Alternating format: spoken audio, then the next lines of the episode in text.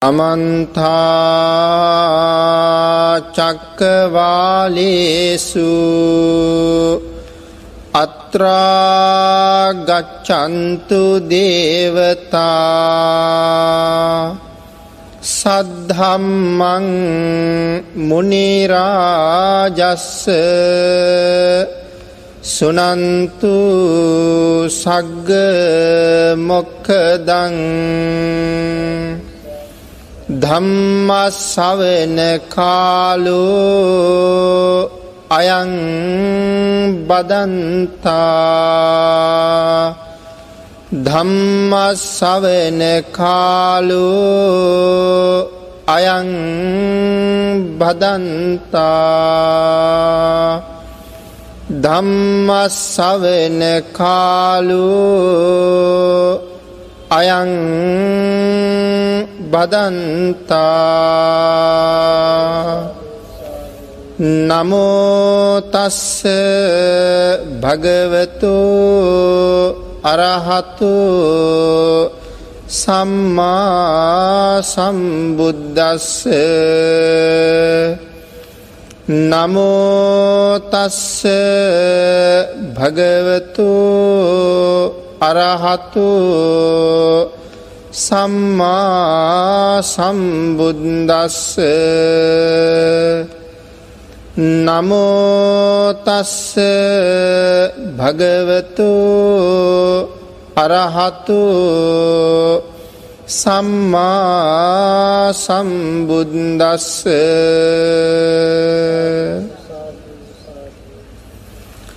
ශ්‍රද්ධා බුද්ධි සම්පන්න කාරුණික ගුණගරුක බෞද්ධ පින්නතුනී මහපොළොවසේ තුන් ලොවට පිහිට ඇති මහා සයුරසේ මහා ගැඹුරු ගුණ ඇති සූර්ය රාජයා මෙන් තේජස් ඇති චන්ද්‍ර දිව්‍ය පුත්‍රයා තරම් සෞම්‍ය ගුණ ඇති සම්මා සම්බුදුරජාණන් වහන්සේගේ මේ කල්පයේ පහළවීම සනිටුහන් කරන සුමේද තාපස අවදිය සාකච්ඡා කරන්න සූදානන් වෙන මොහොතේ. මේ කල්පයට ගෞතම සම්මා සම්බුද්ධ නමින් පහළ වෙන්ඩ. කාය වාක් මනු ත්‍රිවිධ ප්‍රනිධානයන් සම්පූර්ණ කරමින් මහාකල්ප අසංක්‍ය හතරකුත් තවත් මහාකල්ප ලක්ෂ එකක් පාරමී සම්පූර්ණ කරන්න මේ සසරට බැහැගැනීමේ ආරම්භක අවධිය තමයි මේ සුමේද තාපසිතුමා. දීපංකර සම්මා සම්බුදුරජාණන් වහන්සේ ලෝක ධාත්වයේ පහළ වෙච්ච කාලේ උන්වහන්සේගෙන් නියත විවරණ අරගෙන තමයි මේ ගමන එන්ඩ සූදානන් වෙන්නේ. එහෙමනම් අපි මේ දේශනා මාලාවේ අද සාකච්ඡා කරන්න බලාපොරොත්තු වෙන්නේ සුමේද තාපසතුමා සුමේද මහා පණ්ඩිතයන් ගිහිගය අතහැර යෑම පිළිබඳව කාරණාවයි. සිද්ධාර්ථ ගෞතමයන් වහන්සේ නෙවෙයි සුමේද පණ්ඩිතයන් වහන්සේ ගිහිගේ අතහැර යාමේ කාරණාවයි මේ සාකච්ඡා කරන්න සූදානන් වෙන්නේ. බුද්ධ වංශ අට කතාවි චරියා පිටකයේ සඳහන් වෙන කරුණු ටිකයි අපි සාකච්ඡා කරන්නේ. මේ කාරණාව හරියට නැවත නැවත කල්පනා කර කර මෙනෙහි කරන්න කෙනෙකුට පුළුවන් වුණොත්.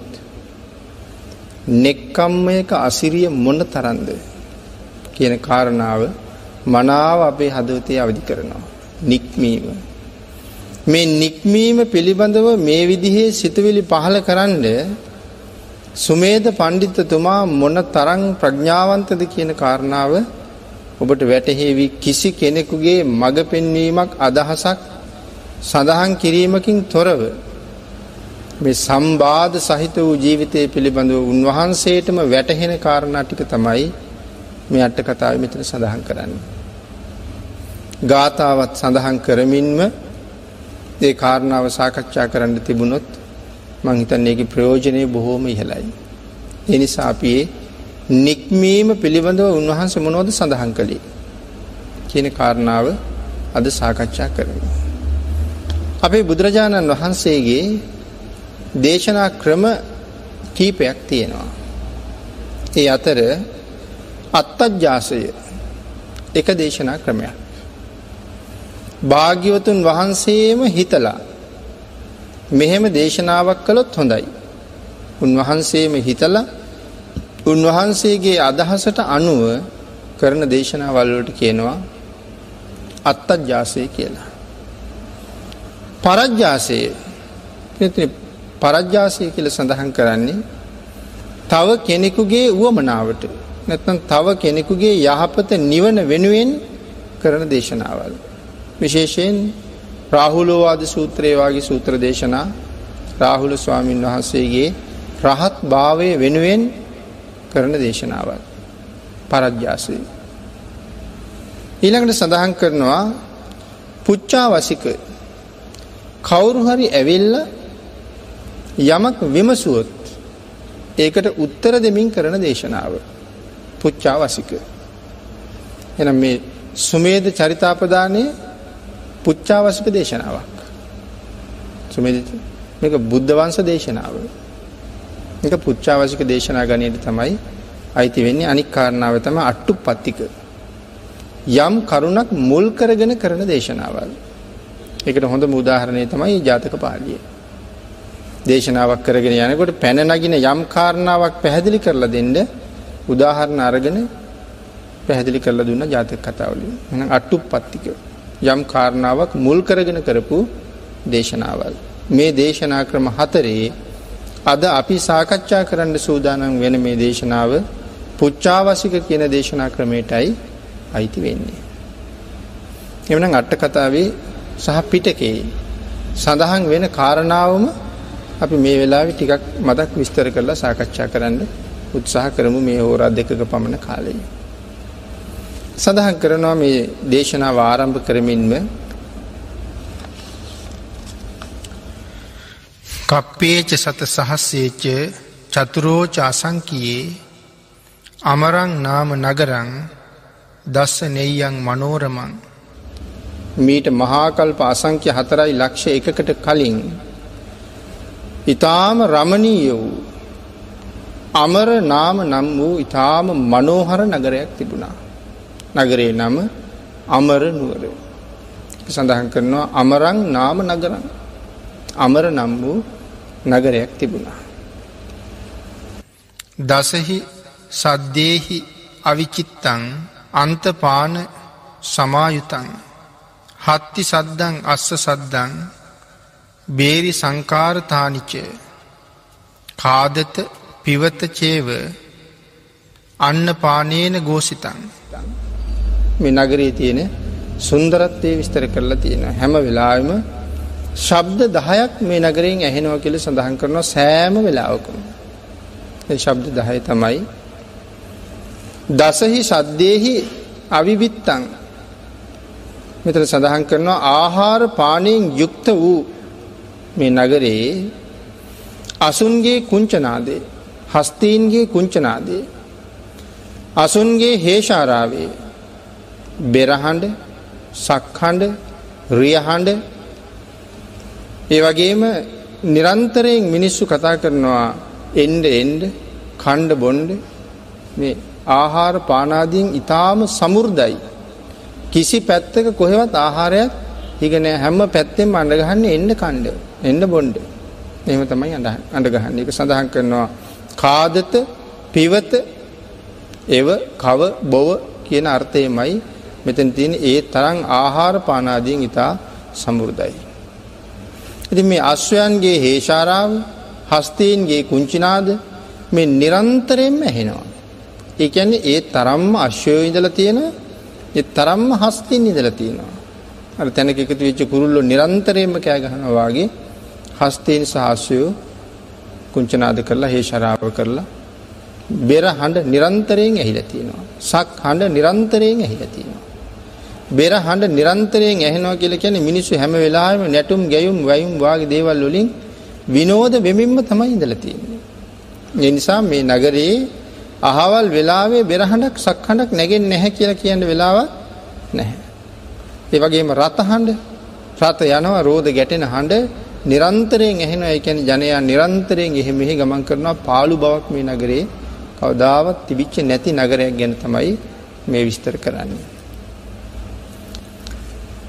නගරං සබ්බංග සම්පන්නං සබ්බ කම්ම මුපාගතන් අන්ත රතන සම්පන්නං නානා ජන සමාකුලන් සමිද්ධං දේව නගරංව ආවාසං පුං්ඥකම්මිනං සඳහන් කරනවා සියලූම නගරාංගයන්ගෙන් සම්පූර්ණයි මේ නගරය. කිසිම දෙයක් මේ නගරයට අඩු නෑ සියලූම නගරාංගයන්ගෙන් සම්පූර්ණයි. කොයි වගේද කියල සඳහන් කරනවා සත්රුවනින් සමුර්ධ වූ නානා ජනයා විසින් ගැවසීගත් ඒ නුවර මේ නුවර ඉන්න සියලූම ජනතාව සත්රුවනින් සමුර්ධයි කියලා. මුතු මැනික්වලින් මේ සත්රුවන් පැළඳගෙනමයි ඉන්නේ. ඒ තරම් දියුණු තත්ත්වයක් තිබිල තියෙනවා. කොයි වගේද කියල සඳහන් කරනවා වෙසමුණි මහරජුන්ගේ දේව නගරේවාගේ කියලා. වෙසමුණි රජ්ජිරුවන්ගේ දෙවුණුවරවාගේ මොකක්ද වෙසමුණි රජ්ජිරුවන්ගේ දෙවුණුවර ආලක මන්දාව. මේ දෙව්නුවර වාගේ තමයි එදා අමර නගරේ. පුණ්‍යවන්තයන්ගෙන් පිරිලා ඉන්නේ. සමහර නගර තියෙනවා පුණ්‍යවන්තයන්ට විතරයි උපදින්න පුළුවන්. පුණ්‍යවන්තයෝ නැති කාලෙට වල් බිහි වෙලා යනවා. සැවැත් නුවර වාගේ රජගහ නුවර වාගේ අද අපි අද ඒ කාරණාව අපට මනාව මනාව ඉස්පුට වෙනවා. අද අපි දඹදිව වඳින්න ගියහම අපි පූජනීය සිද්ධස්ථානවල කැලෑ කැලෑවල ගිහිල්ලා බලලා ඉන්නේ. පුණ්‍යවන්තයෝ නෑ. ඒ නිසා ඒ නගර පාළු ස්වභාවයක් උසලලා තියෙනවා. නමුත් එදා මිහිබට දිව්‍ය ලෝක වගේ තිබිච්ච නගර. එමනම් මේ වෙසමුණි රජුරුවන්ගේ ආලක මන්දාව වගේ මේ දෙව් නගරේ තරම් ඊටාම ලස්සනයි කියලා සඳහන් කරනවා මේ අමර නගරය. ඒකට සඳහන් කරනවා නගරේ අමරවතියා සුමේදෝ නාම බ්‍රාහ්මණු. අනේක කෝටි නිචයෝ පහූත දන ධඥවා අජ්ජායකෝ මත්තධාරූ තින්නං වේදාන පාරගු ලක්කනේ ඉතිහාසේච සදම්මේ පාරමින් ගතු සඳහන් කරනවා අමරවති නගරයෙහි මෙතන මේ ගාථා දෙකම එකතු කරලා තේරුම සඳහන් කරන්නේ හතර පහ දෙකේම තේරුම. අමරවති නගරයෙහි රැස් කළ නොයෙක් කෝටි ගණන් බොහෝ ධනධාන්‍ය ඇති වේද ඇති. වේද හදාරන්නා වූ. වේද මන්ත්‍ර දරන්නා වූ. ත්‍රිවේදයාගේ පරතරට ගිය ලක්ෂණ ශාස්ත්‍රයේදී ඉතිහාසයෙහිද ස්වකීය බ්‍රාහ්මණ ධර්මයහිද පරතරට ගිය සුමේද නම් බ්‍රාහ්මණයෙක් වී. මේ ආශ්චර්යමත් වූ අසිරිමත් නගරයේ බ්‍රාහ්මණයෙක් ජීවත් වෙලා තියෙනවා වේද හදාරන්නා වූ වේද මන්ත්‍ර දරන්නා වූ හොඳට ත්‍රිවේද පාර ප්‍රාප්තයි. වේද මන්ත්‍ර හොඳට පාඩම් කරලා තියෙන්නේ. මහා ප්‍රඥාවන්තයි. මේ මහා ප්‍රඥාවන්තයා හැම ශාස්ත්‍රයකම ලක්ෂණ ශාස්ත්‍රයේද ඉතිහාසයේද මේ හැම පැත්තෙම කාව්‍ය ශාස්ත්‍රයෙහිද හැම පැත්තෙම දක්ෂයි. මේ මේ පණ්ඩිතයා ජීවත් වෙන නගරේ තමයි මේ අමර නගරය කියලා කියන්නේ. හයවෙනි ගාථාවෙන් සඳහන් කරනවා රහෝ ගතෝ නිසීදිත්වා ඒවන් කින්තේ සහං තදා දුක්කෝ පුනබ්බ වෝ නාම සරී රස්සච බේදනන් සම්මෝහමරණං දුක්කං ජරා අභිමද්දනම් මෙන්න මේ පණ්ඩිතයට හිතෙනවා සුමේද පණ්ඩිත නම් වූ මම එකලාව හිඳ මෙසේ සිතීමි. පුනර් භවය නම් දුකකි. ශරීර බේදන සංඛ්‍යාත මරණය දුකකි. මේ සියලු ලක්ෂණ ශාස්ත්‍රයෙහි පරතරට ගිහිල්ලා සියලු ඉතිහාසයෙහි පරතරට ගිහිල්ලා ත්‍රිවේද පාර ප්‍රාප්ත වෙච්ච මේ බ්‍රාහ්මණ තරුණ පඬිවරයා තමයි මේ කල්පනා කරන්නේ. පුනර් භවය නම් දුකක්. නැවත නැවත ඉපදීම කියලා කියන්නේ දුකක්. ශරීර බේදන සංඛ්‍යාත වූ මරණය දුකක්. එනම් භාගිතුන් වහන්සේ අපට දේශනා කළේම සසර නැවත නැවත ඉපදීම දුකක්මයි. ඒ වගේම කය බිඳීමෙන් සිදුවෙන මරණය මරණය දුකක්මයි. එහෙමනම් මරණයේ වේදනාවක් තියෙනවා උපත තුළ වේදනාවක් තියෙනවා. ඉපදීම නිසා වේදනාවක් තියෙනවා. භාගිතුන් වහස මේ කාරණාව දේශනා කළේ මාතෘ ගර්භය යම්සේ යම් දවසක පිළිසිඳ ගත්තාද. එදා ඉඳලා අප්‍රමාණ දුකක් අප්‍රමාණ දුකක් විඳින්නේ.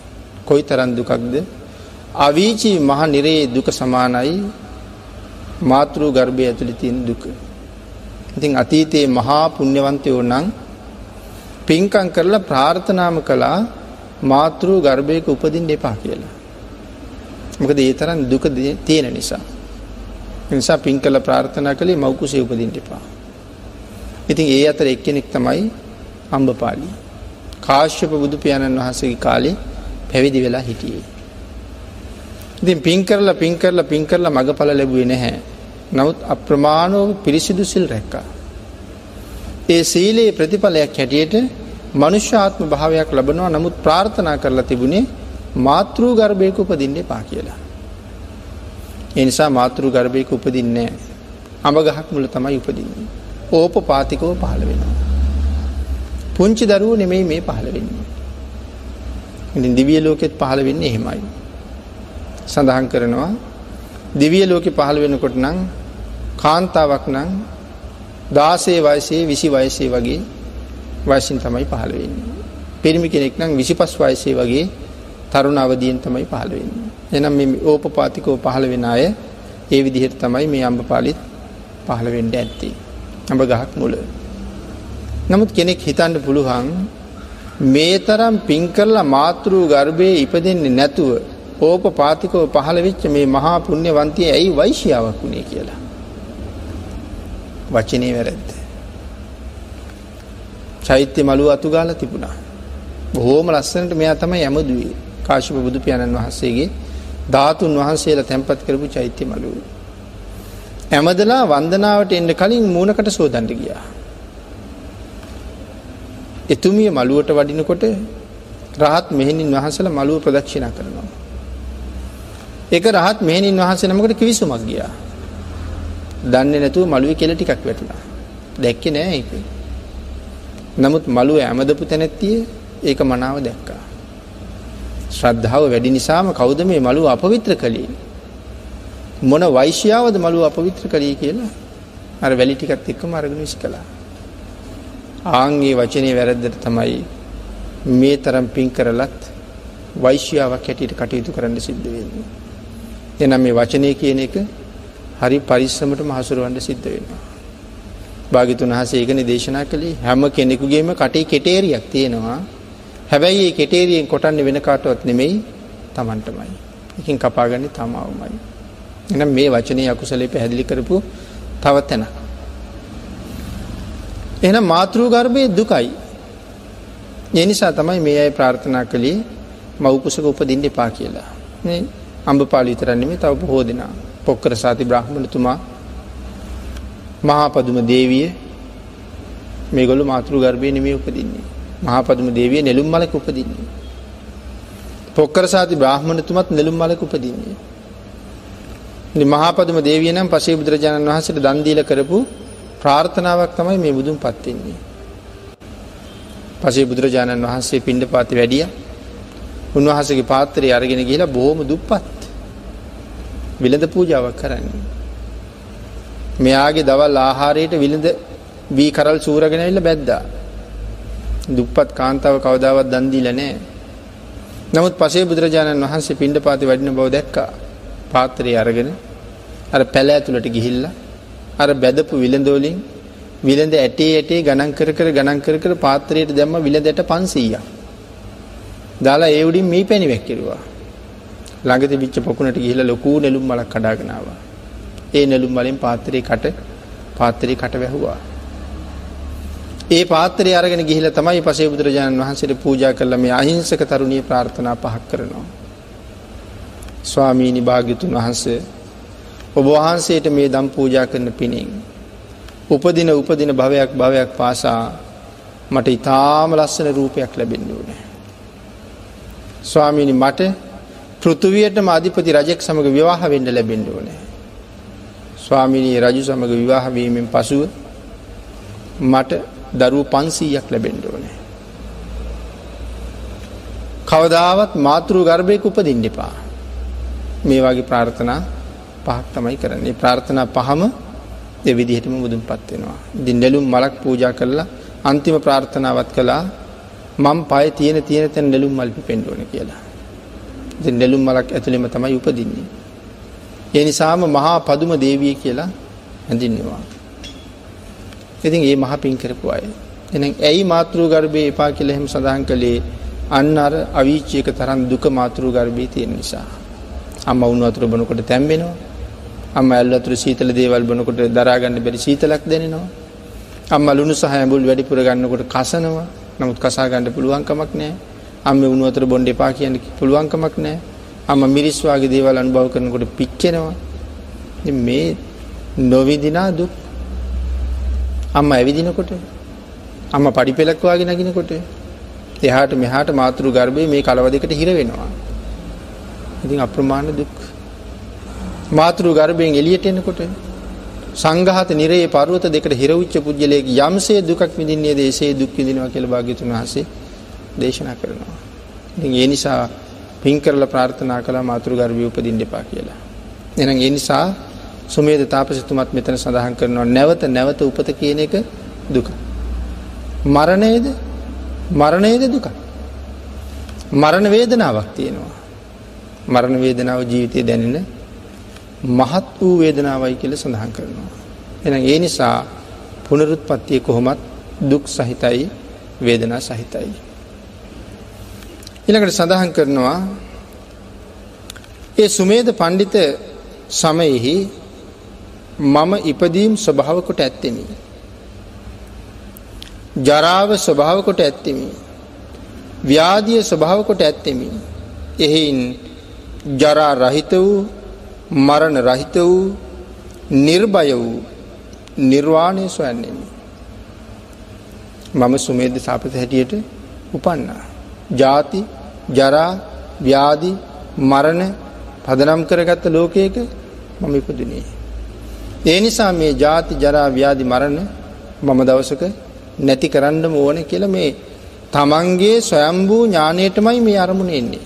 වෙන කිසි කෙනෙකුගෙන් ඉගෙනගෙන දැනගෙන අවබෝධ කරලා අවබෝධ කරවලා එහෙම නෙවෙයි මේ තමන්ගේ ස්වයම්භූ ඥානයටමයි මෙ සියලු කරුණු කාරණා වැටහෙන්ට පටන් ගන්නේ.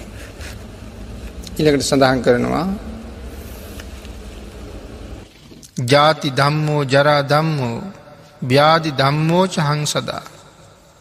අජරං අමරං කේමං පරියේසිස්සාමි නිබ්බුතින්. ජරා ධර්මය ව්‍යාධි ධර්මය මරණ ධර්මය මෙසිියල්ල අතහරින්න පුළුවන්නම් මට සැනසෙන්ඩ පුළුවන්කම තියෙනවා. යන්නෝනි මං පූතිකායන් නානාකුණප පූරිතන් චඩ්ඩ ඉත්වාන ගච්චෙයන් අනපෙක්කෝ අනත්තිකෝ. නානා කුණපයෙන් පිරුණු මේ කුණු කය හැරදමා. නිරාලය වූයම් අර්ථ නොවයම් යන්නෙම් නම් යෙහෙක.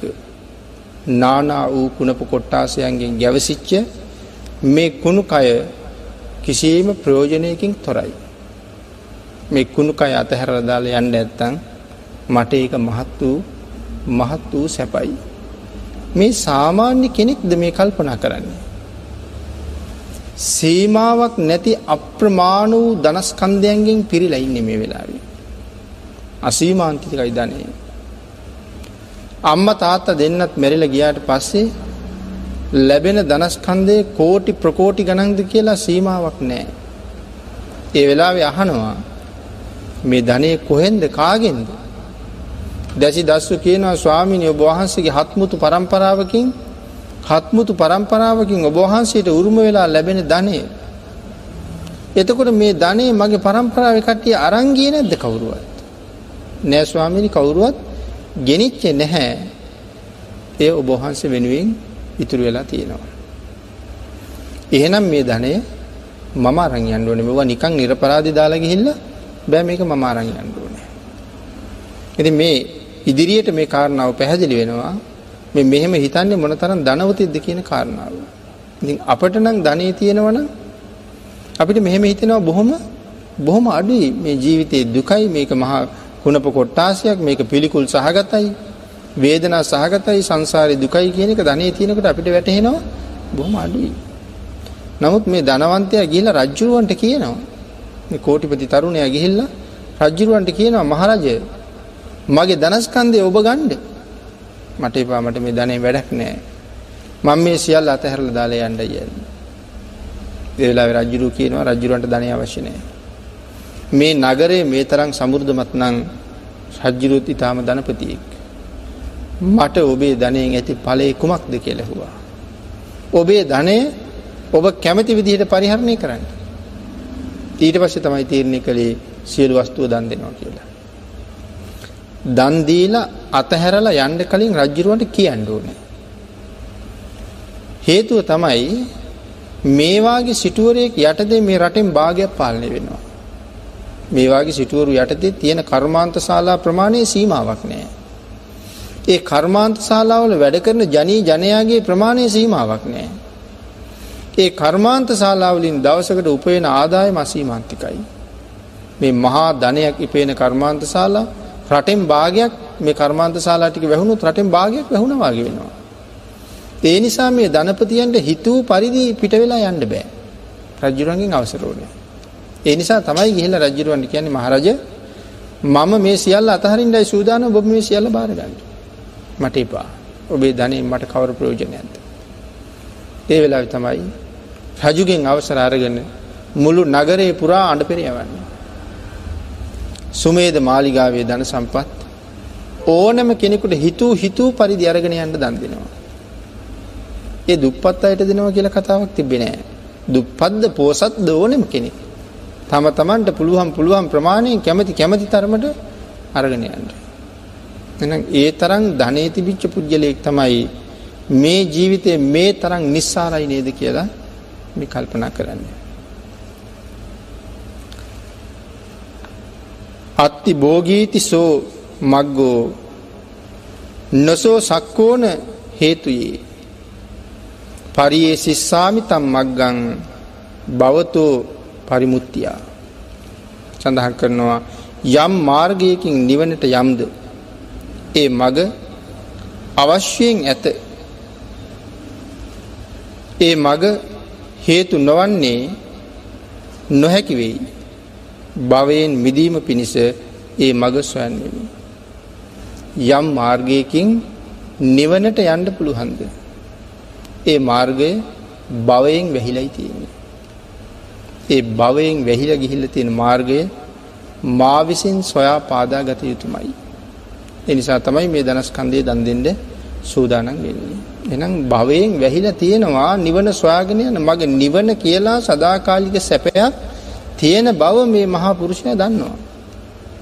නමුත් ඒක භවයෙන් වැහිලා ඒක කොහෙද තියෙන්නේ? ඒක මා විසින්ම සොයන්න ඕනේ.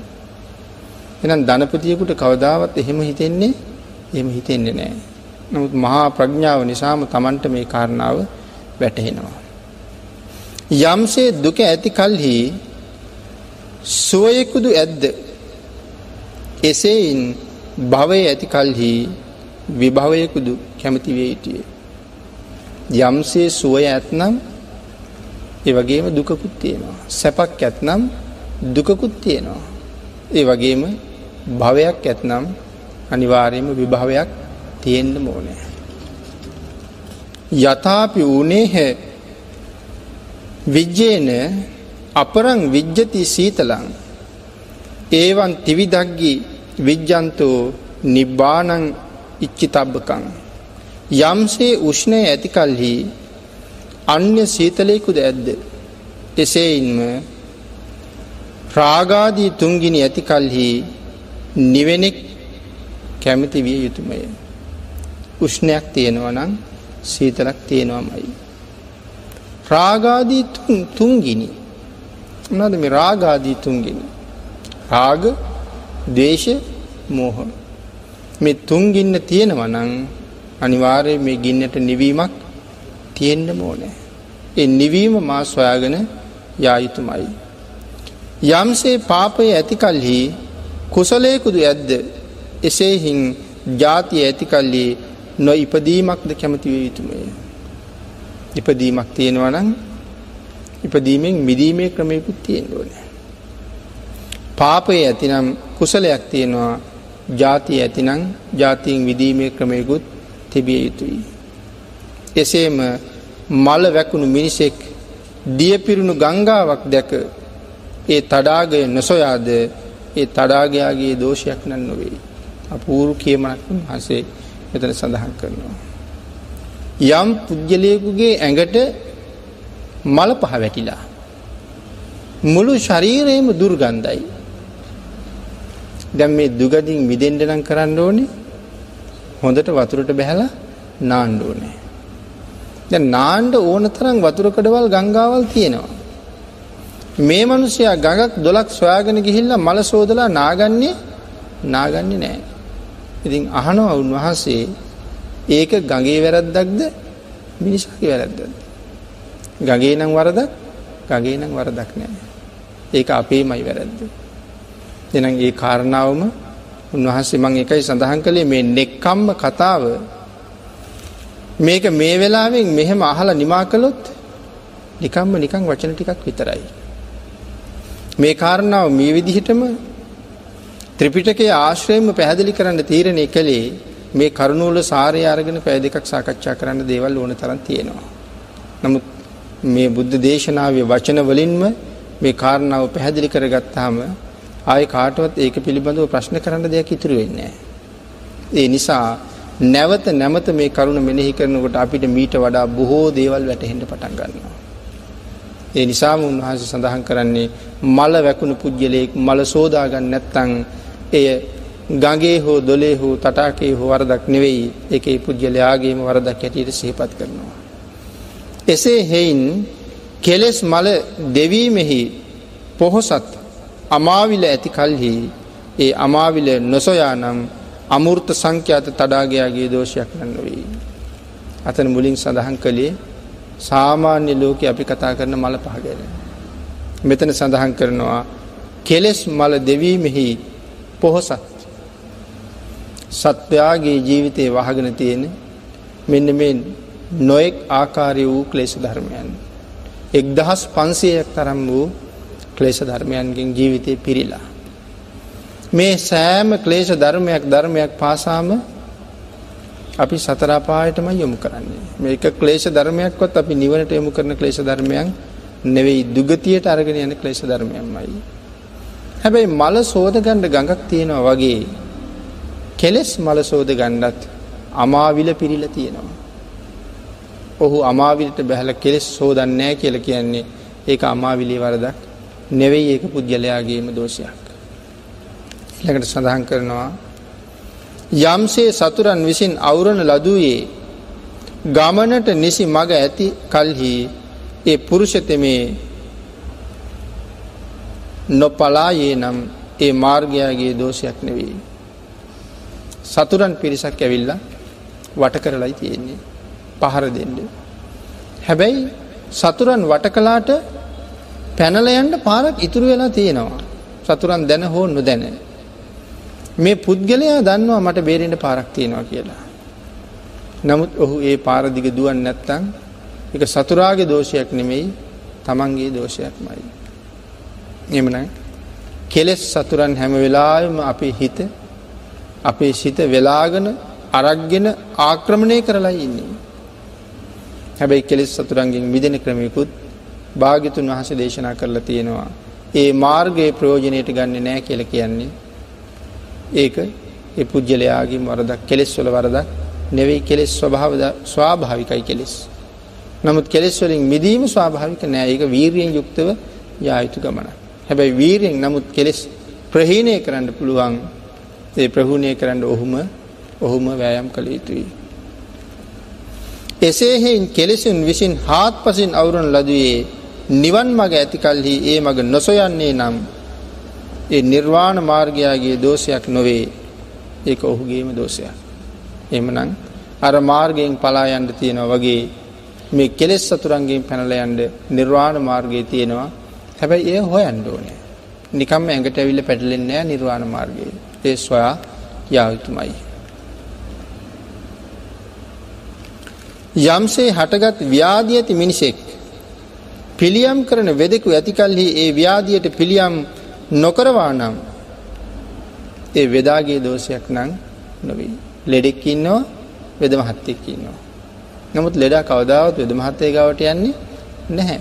එනගේ වෙද මහත්තයගේ දෝෂයක් නෙවේ ඒක ලෙඩාගිම දෝෂයක්. එසේ හෙයින් කෙලෙස් නැමති ව්‍යාදීන් විසින් දුකට පැමිණී හාත් පසින් පෙල්න ලදයේ ඒ මෝක්ෂ චාර්යා නොසයා නම් ඒ විනේකෘත වූ ආර්යාගේ දෝෂයක් නෙවෙයි. එම කෙලෙස් රෝගයෙන් පීඩාවට පත්වෙනවා. කෙලෙස් උල් ඇනිලා දුක්විදිනවා. කෙලෙස් උල් ගලවලා ඒ පුද්ගලයා සුවපත් කරන්න පුළුවන් මෝක්ෂාචාරිවරයක් ඉන්නවා. ඒ මෝක්ෂාචාරිවරයට විතරයි මේ ඇගේ ඇනිල තියෙන කෙලෙස් උල් ගලවලා අයින් කරන්න පුළුවන්කම තියෙන්නේ. පෘතජ්ජනයා පිළිබඳව සඳහන් කරනට සඳහන් කරනවා ශ්‍රෘතවත් පෘතජ්ජනයට එක උලක් ඇයිනවා කියලා. අශ්ෘතවත් පෘතජ්ජනයට උල් දෙකක් ඇනිනවා කියල සඳහන් කරනවා. අශ්ෘතවත් පෘතජ්ජනයට ලෙඩක් දුකක් කරදරයක් වෙච්චහම ඔහු කල්පනා කරන්න මටමමද වෙන්න කියලා. අසනීප නිසා කයවේදනාවත් වැඩී. ඒ වේදනාව නිසා හිතේ වේදනාව වැඩියලා කල්පනා කරන මටමද වෙන්න කියලා. අශ්ෘතවත්. එයා එයා බණ අහල නෑ. ධර්මය දන්නේ නෑ. ඒ නිසා මේ සංසාරගත ජීවිතය පිළිබඳ අවබෝධයක් අවබෝධයක් නෑ. නමුත් ශ්‍රෘතත් පුතත් ජනයට එයාගේ කයේ වේදනාවක් තියෙනවා. හැබැයි කය ලෙඩ වෙලා තිබුණට මේ පුද්ගලයා මනාව ධර්මාබෝධයෙන් ඉන්න නිසා කවදාවත් හිත ලෙඩ කරගන්නේ හිත ලෙඩ කරගන්න හිත බොහොම රිජුව තියෙනවා. කය ලෙඩ වෙලා තියෙනවා. ඒ නිසා මේ කෙලෙස් උල් කෙලෙස් උල් ගලවලා අයින් කරන මෝක්ෂාචාරිවරයෙක් ඉන්නකොට කෙලෙස් උල් ඇනිච්ච පුද්ගලයා ඒ ආචාරිවරයාගෙන් පිහිට ලබන්නේ කියලා කියන ආචාරිවරයාගේ දෝෂයක් දෝෂයක් නෙමෙයි. මේ සියලු දේවල් සුමේද තාපස පණ්ඩිතතුමාට තමන්ගේ නිවසට වෙලා ඉඳගෙන වැටහෙන දේවල් මේ සඳහන් කරලා තියෙන්නේ. මොන තරම් ඥානයක් තියෙන්න ඕනේද මේ සරන් උදාහරණ සහිතව මේවා වැටහෙන්නේ. යම්සේ මිනිසෙක් ගෙලෙහි බැඳ කුණපය ජුගුප්සා කොට හැර පියා සුකිත වූයේ ස්වෛරී වූයේ සොයන් වශී වූයේ නික්මියේද එසේ හෙයින්ම අනේක විධ කුණපයෙන් රැස් වූ මේ කුණපකයි හැරපියා අපේක්ෂා රහිතව අනර්ථ වූයේ යන්නෙමි. යම් පුද්ගලෙක් තමන්ගේ ශරීරය පුරාම කුණපය. ශරීර කුණපය. ශරීර කුණපය අතහැර සුකිත වූයේ. ශරීරය පුරා ඇති වෙලා තියෙන මේ කුණප ද්‍රව්‍ය අතහැරලා ඔහු බැහල පිරිසිදුවෙනවා වතුරට. කුණු ගෑවිලා සෝද ගන්නවා. මඩ ගෑවිලා සෝද ගන්නවා. ඒ වගේ මේ මෝක්ෂාචාරිවරයා විසින් දේශනා කරපු අමා දහම ජලකඳක්සේ විලක්සේ ඕ නෑම පුද්ගලගේ කෙලෙස් කහට කිලිට සෝදා හරිනවා. ඒ සෝදාගණ්ඩ ඥානවන්තයා විසින් වෑයන් කර යුතුමයි. එනකට සඳහන් කරනවා යම්සේ ස්ත්‍රී පුරුෂයෝ ඔවස් කෙලියෙහි කරීසම් මලය අපේක්ෂා රහිත වූවාහු අනර්ථික වූවාහු හැරපියායේද ස්ත්‍රී පුරුෂයෝ ඔවස් කෙලියෙහි කරීස මලය අත්හැරීම පිළිබඳව තව තපූරු කියමනක්. ස්ත්‍රී පුරුෂ ඕනම කෙනෙක් වැසිකිලියට ගිහිල්ල මල පහ කරලා. ඒ පිළිබඳව කිසිීම බලාපොරොත්තුවක් නැතුව කිසිීම යටත් පිරිසෙන් ආපව හැල්ල බැලීමකුදු තොරව ඒ යම්සේ අත්හරිනවාද. ඒ යම්සේ අත්හරින්නේද එසේම එසේම මේ බන්ධනගත ජීවිතය හැරයා යුතුයි. නැවත නැවත කල්පනා කරලා බැලුව. අපිට මේ අපි විසින් බැහැරලන අපද්‍රව්‍ය පිළිබඳව අල්ප මාත්‍රයක බැඳීමක් නෑ. මෙය හෝ මදක් ඉතුරු කරගත්තා නම් මේ කාර්ය අඩුවෙන් කලානං එල කිසිීම බැඳීමක් නෑ බැහැර කරන්න තියෙනවන ඒ උපරිමේ බැහැර කරන එක තමයි අරමුණ. අන ඒ වගේම මේ ක්ලේෂ ධර්මයන්ද උපරිමයෙන් බැහැර කරලා අත්හරින්න පුළුවන් නම් ඔහුට හම්බ වෙන්නේ පුදුම පුදුම සුවයක්. කය සැහැල්ලු කරගත්ත තරමට මල මූත්‍රා බැහැර කර තරමට කයට දැනෙන්නේ යම් සුවයක්ද මෙන්න මේ කෙලෙස් රෝගය තුරන් කරගන්න වෑයම් කරපු පුද්ගලයාට තියෙන අප්‍රමාණ වූ අප්‍රමාණ වූ සුවයක් කියන කාරණාව සිහිපත් කරනවා. ඊට අමතරව සඳහන් කරනවා ඒව මේවාහං ඉමං කායන් නානා කුණප පූරිතං චඩ්ඩෙයිත්වාන ගච්චිස්සං වච්චං කත්වා යතහකුටින් එසේ හේන්ම නන් වැදෑරම් කුණපයෙන් පිරුණු මේ කය. ස්ත්‍රී පුරුෂයන් සිරුරු කිසකොට හැරපියා යන කුටියමෙන් හැරපියා යන්නේ නම්. මට මේ මාලිගාව එහෙම අතහරින් ඇත්නම්. යම්සේ වච්ච කුටිය අතහැර ඔවුන් යන්නේද මට මේ මාලිගාව එසේ හැර යන්නට ඇත්තං කොයි තරම් අගේයිද කියලයි කල්පනා කරන. යම්සේ නැව්හිමියෝ දැදුරු වූ දිය වෑහෙන බිඳුණු නැව් අපේක්ෂා රහිත වූවාහු අනර්ථ වූවාහු හැරපියායේද. යම්සේ නැව්හිමියා නැව දිරලා සාගරයේ මැද්දේ නැව දිරලා. දැම් මේ නැවට පිළියම් කරන්න බෑ. කොච්චර පිළියම් කෙරුවත් දිරු නෑව සකස් කරන්න බෑ. ඒකට වතුරු පිරෙනවා. හැම වෙලාම දිරාපු හිල්වලින් වතුර පිරෙනවා. උඩින් පිරෙන වතුර දිරාපු හිල්වලින් පිටට වැැක්කිරල යනවා. ඒනම් මේ නැව්හිමියා ඒ නව අතහැරිනවා. මොකද ඒකට ආපහු ආපහු බද්ධ කිරීම් කරන්න බෑ. පෑසුම් කරන්න බෑ. දැ මෙතන උන්වහන්සේ මේ නැවට උපමා කරන්නේ කුමක්ද. යම්සේ මිනිසෙක් රත්නාදී භාණ්ඩ ගෙන සොරුන් සමග යනුවේ බාණ්ඩ ඇහිද ගැනීමෙක් වන බිය දැක හැරපියායේද. මෙතන නැවට උරුම කරන්නේ මේ කය. නැව දිරලා හැම පැත්තෙම නැවට වතුරේනවා. මේ නැව පිළියම් කරන්න පිළියම් කරන්න බෑ. මේ කයත් ඒවාට. හැම පැත්තෙම දොරවල් ඇරලා. හැම තැනම අපද්‍රව්‍ය පිරිලා. ඒ අපද්‍රව්‍ය පිට කරන්න විදිහක් නැතුව මේකේ තෙරපි තෙරපී තෙරපි තෙරපී තියෙන අපද්‍රව්‍ය. ඉතින් ඒවා හැම තැනම තෙරපි තෙරපි තිබුණොත් පුද්ගලයා ඊට වඩා අපහසුතාවයකට පත්වෙන නිසා කොහෙන් කොහෙන් හරි තෙරපෙන දේ පිට වෙලා යන්න කියලා දොරවල් නමයක්ම මේකෙන් එළියට විවෘත කරලා දාලා තියෙනවා. අර දිරාපු නැවින් හැම වෙලාවෙම වතුර වැක්කිරෙන්න ආසේ මේ කයින් ගත වෙන මොහොතක් මොහොතක් පාසා මේ අපද්‍රව්‍ය වැක්කිරි වැක්කිරි යනවා. ඒ දිරූ දිරූ නැව නැව්හිමියා යම්සේ හැරයන්නේද මේ කය මට එසේ හැරයන්නට ඇත්නම් කොයි තරං සෞභාග්‍ය සම්පන්නද කියලයි මේ මහපුරුෂය කල්පනා කරන්න. එළකට එසේ හෙයින් නවසිදුරු ඇති නිරතුරු මල වැගිරෙන මේ කය නැව්හිමියන් දිරාගේ නැව හැරයන්නාක් මෙන් හැරයන්නෙමි. යම්සේ මිනිසෙක් රත්නාදී බාණ්ඩගෙන සොරුන් සමග යනුවේ බාණ්ඩ ඇසිද ගැනීමෙක් වනබිය දැක හැරපියායෙද්ද එසේ හෙයින්ම මේ කය මහසොරකු වන්න කුසල් දහම් වෙලාගන්නා බියෙන් මේ කය හැරපියා යන්නෙමි. හොරෙක් හොරෙක් හොරකං කරගෙන යනකොට මැනික් ආදී දේවල් මග වැටිලා. දැම් මේ හොරා හොරකං කරපු තැන ඉඳලා ආපහු බලාගෙන යන්න එන්නේ මැනික වැටුනේ කොතනද? ඒගේ මිදුලෙම වැටුණද? ඒ ගෙදර වැටගාව වැටුණද? එහෙම නැත්නම් පාරේ වැටුණද? අය ඒ මිනිහා පාරේ වැටිච්ච මැනික් අහුලන් දෙන්නේ නෑ. යා දන්නවා දැන් දැන් රජ්ජුරුවන්ට කියලා නීතියට කියලා හොරකං කරපු අය දැන් හොයනවා. ආය මේ මැනික අහුලන්ඩ මම යනවා කියලා කියන්නේ මම කරගාවිම අහු වෙනවා. නිසා එයා කවදාවත් ඉන්නේ නෑ. ඔහු ඒ මැනික යම්සේ අතහැර යන්නේද. මේ කය මේ කය හොරෙක් වාගේ මේ කය මහ හොරෙක් වාගේ. ඇයි මේ කයට හොරා කියල කීවේ. මේ පංච ඉන්ද්‍රියන් නිරන්තරයම සූදානන් වෙලා ඉන්නේ මාව පාපයට පොළඹ වන්නමයි. ඇහෙන් රූප පෙන්නලා පැත්තට බඳිනවා.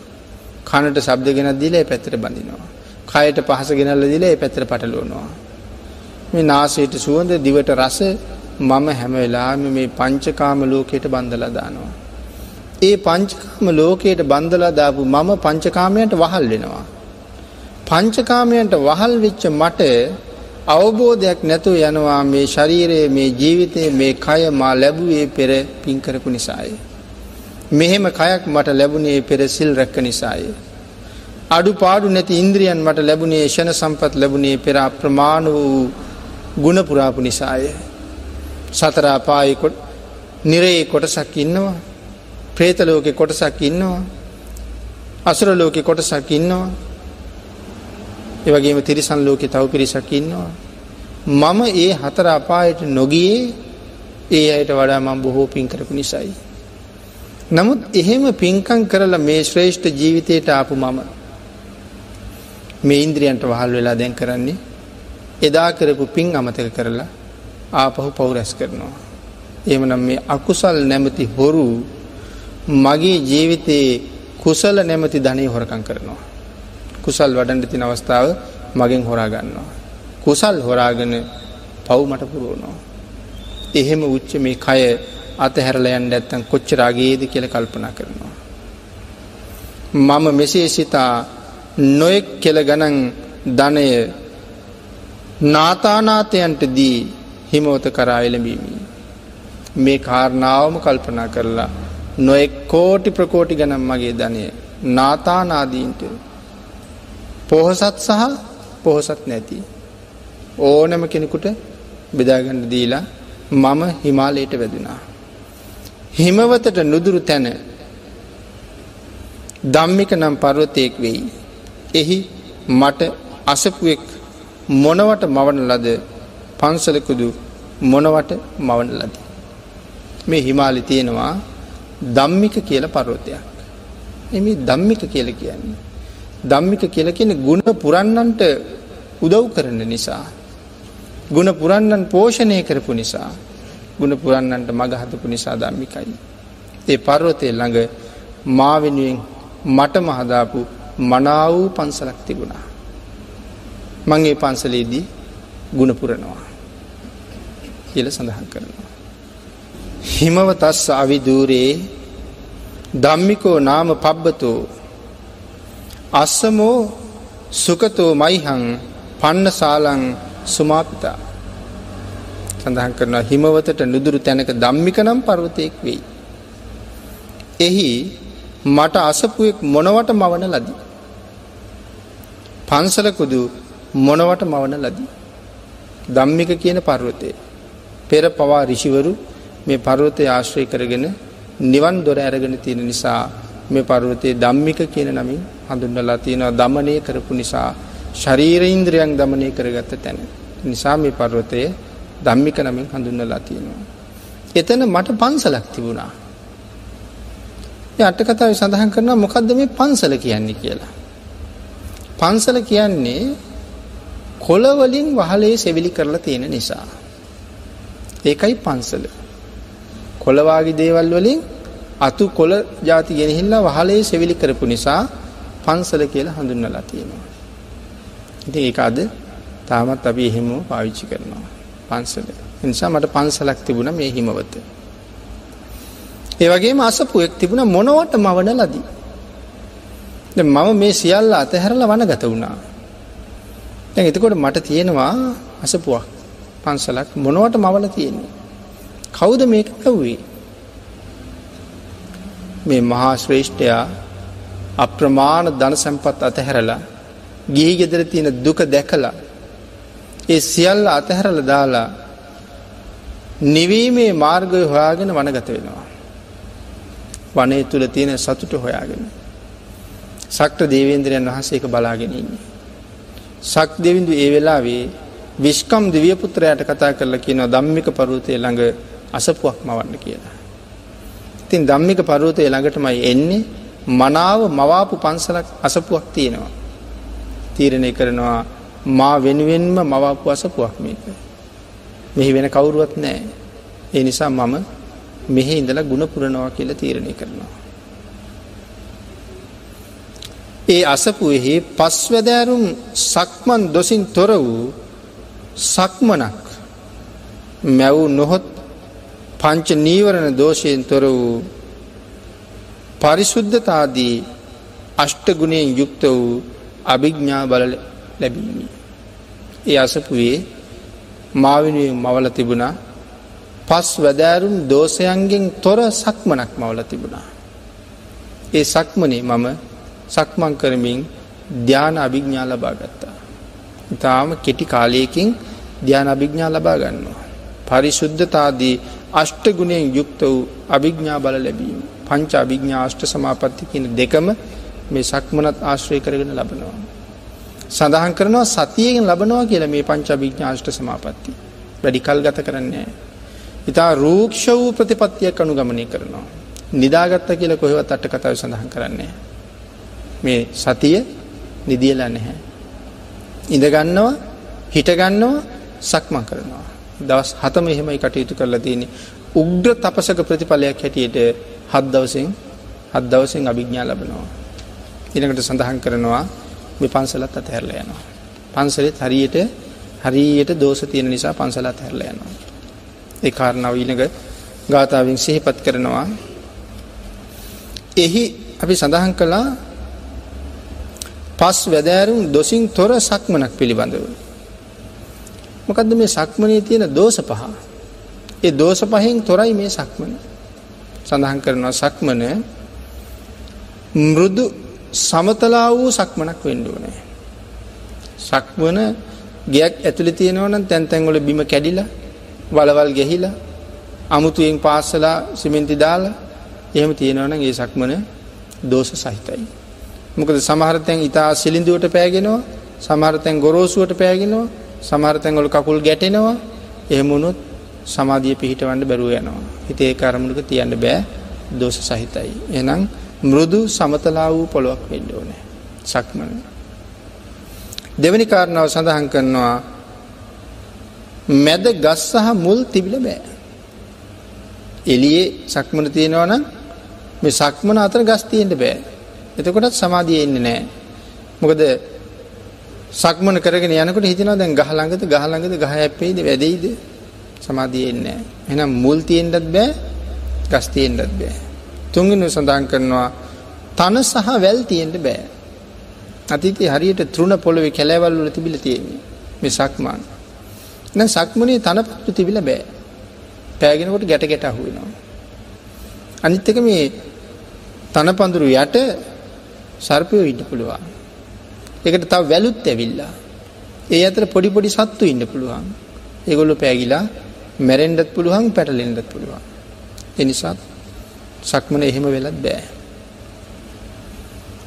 පලල රියනක් හෝ රියම් භාගයක් තිබිල බෑ. සක්මනී පලල ක්‍රියනක් හෝ රියම් භාගයක් තිබිල බෑ. එතකොට තේරෙනවා මෙ දෙපස නියපොතු ගැටෙයිද ඇගිලි ගැටෙයිද එමුණු තුවාල වෙයිද එතකොට හිත එකඟ වෙනවා නෙමේ ඒ පැත්තට ගමන් කරනවා. එනිසා සඳහන් කරනවා යටත් පිරිසෙන් අඩි තුනක් හතරක්වත් සක්මනේ පලල තියෙන්න්න ඕනේ. සක්මන ඉතා කෙටි වෙලා බෑ. ඉතා කෙටි සක්මනක් වුණොත් ඒත් හිත පිහිටවාගන්න අමාරුයි. යටත් පිරිසෙන් යාර හැටක්වත් සක්මට අවශ්‍යයි කියල සඳහන් කරනවා නියම සක්මනකට යාර හැටක් කියල කියෙන අඩි අසුවක් විතර වෙනවා. එක තමයි නියම සක්මන සක්මන ඊට වඩා දික් වෙලත් බෑ. මීට වඩා කොට වෙලත් බෑ ඊට වඩා දික් වෙලත් බෑ. එනම් මේ අභිග්ඥා ලබන්නේ මෙන්න මේ වගේ මොනවට මැවූ සක්මනක ඉඳගෙන තමයි මේ අභිඥා ලබල තියෙන්නේ. ඊළඟට සඳහන් කරනවා එහි නව දොසකින් යුක්ත වූ සලුව හැරපීමේ දොළොස් අනුසයකින් යුක්ත වූ වැහෙරී සිවුර හැඳෙමි. නව දොසකින් යුක්ත වූ හැඳි සලුව හැරපීමි. මම ඒ පන්සලේ ඒ අසපුවේ ඉඳගෙන දෝෂ නමයකින් යුක්ත මගේ සලුව අතහැරියා. මාදින ඇඳුම මගේ සලුවේ දෝෂ නමයක් තියෙනවා. ඒක මට බාධාවක් මේ ගමනයන්ට. එහෙද මගේ සලුව මේ ඔක්කොම දේවල් අතහැර මට මේ සලුව අතහරින්ට බැරිකමක් නෑ. එන මොනවද මේ සලුවේ තියෙන දෝෂ නමය. ඉතින් ඒ දෝෂ නමේ ඔබේ සල්ුවෙත් තියෙනවා මගේ සල්ුවෙත් තියෙනවා. නිසා අපිට හරි හරි වටිනවා. සඳහන් කරනවා අනර්ගයි.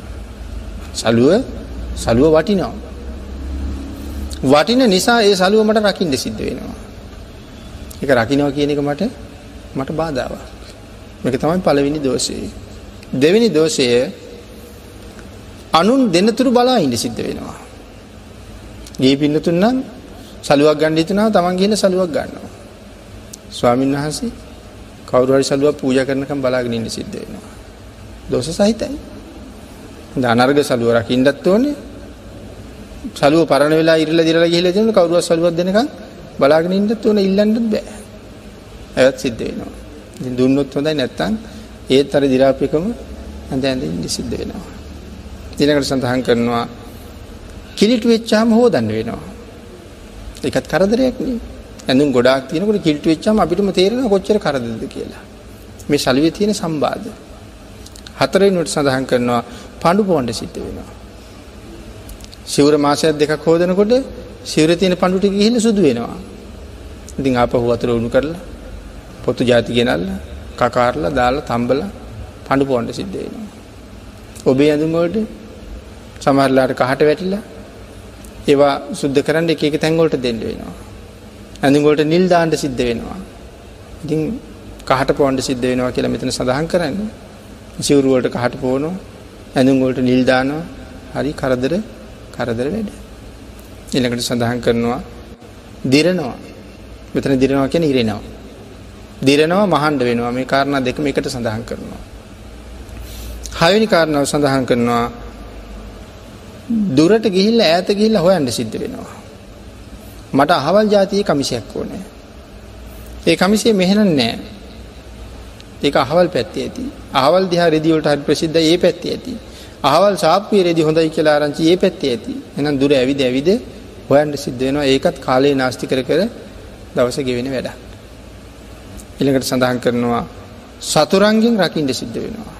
අනර්ග සලුවක් ගෙනහව ඒක හරියට ආරක්ෂා කරන්න සිද්ධ වෙනවා. මැණික් අල්ලලා තියෙනවා තියෙනවා රත්තරන් ඔබ්බපුව තියෙනවා මුතු පවලු අල්ලපුව තියෙනවා. ඉතින් ඒවා එළියේ දාලා නෙමෙයි අල්මාරිය පෙට්ටෙක මේ තියලා තිබ්බත් රකින්න සිද්ධ වෙනවා. කවුරු හරි ගෙදර මුරට තියලා හරි යන්න සිද්ධ වෙනවා. නම වෙනුවට සඳහන් කරනවා ලස්සනයි. ඇඳුම හරි ඇඳුම හරි ලස්සනයි. දැන් ලස්සන ඇඳුමක් ඇඳලා යනකොට මට ටිකක් මහිච්ඡතාවය ඇති වෙනවා. එතකොට නිකම්ම පාප ධර්මයක් පාප ධර්මයක් පිරෙන්න පටන් ගන්නවා මේ දිරලා යන ඇඳුමක් හින්දා. මේ තමයි මේ සලුවේ තියෙන සම්බාධ නමය. ඒ නිසා මම සම්බාධ නමයක් සහිත සලුව අතහැරලා දාලා සම්බාධ රහිත ගුණ 12කින් යුක්ත අඳුන් දිවිසමට නැත්තම් තන ඇදිරියට මාරුණා. සලුවේ සම්බාධ නමයයි සලුව අතහැරපු මට දෝෂ 12කින් මගේ ඇරෙන්න පුළුවන්කම තිබුණා. ගුණ දොළහක් තියෙනවා මං මම අඳින ඇතිරිය. එනම් ගුණ දොළහමකක්ද කියල සඳහන් කරනවා අගනා බව අඩුයි. දැමකද මේ අඳින්නේ. තනකොලෝලින් ව්‍යාගත්ත ඇඳුමක්. විශේෂ තනවර්ගයකින් තමයි මේ ඇඳුම වියල තියෙන්නේ. නිකං අපි ගෙමු ප්‍රදිකඩක් බිලි වහගණ්ඩ ඉන පහලට අඳින රදිකඩක් මේක වියල තියෙන්නේ තනකොලෝලින්.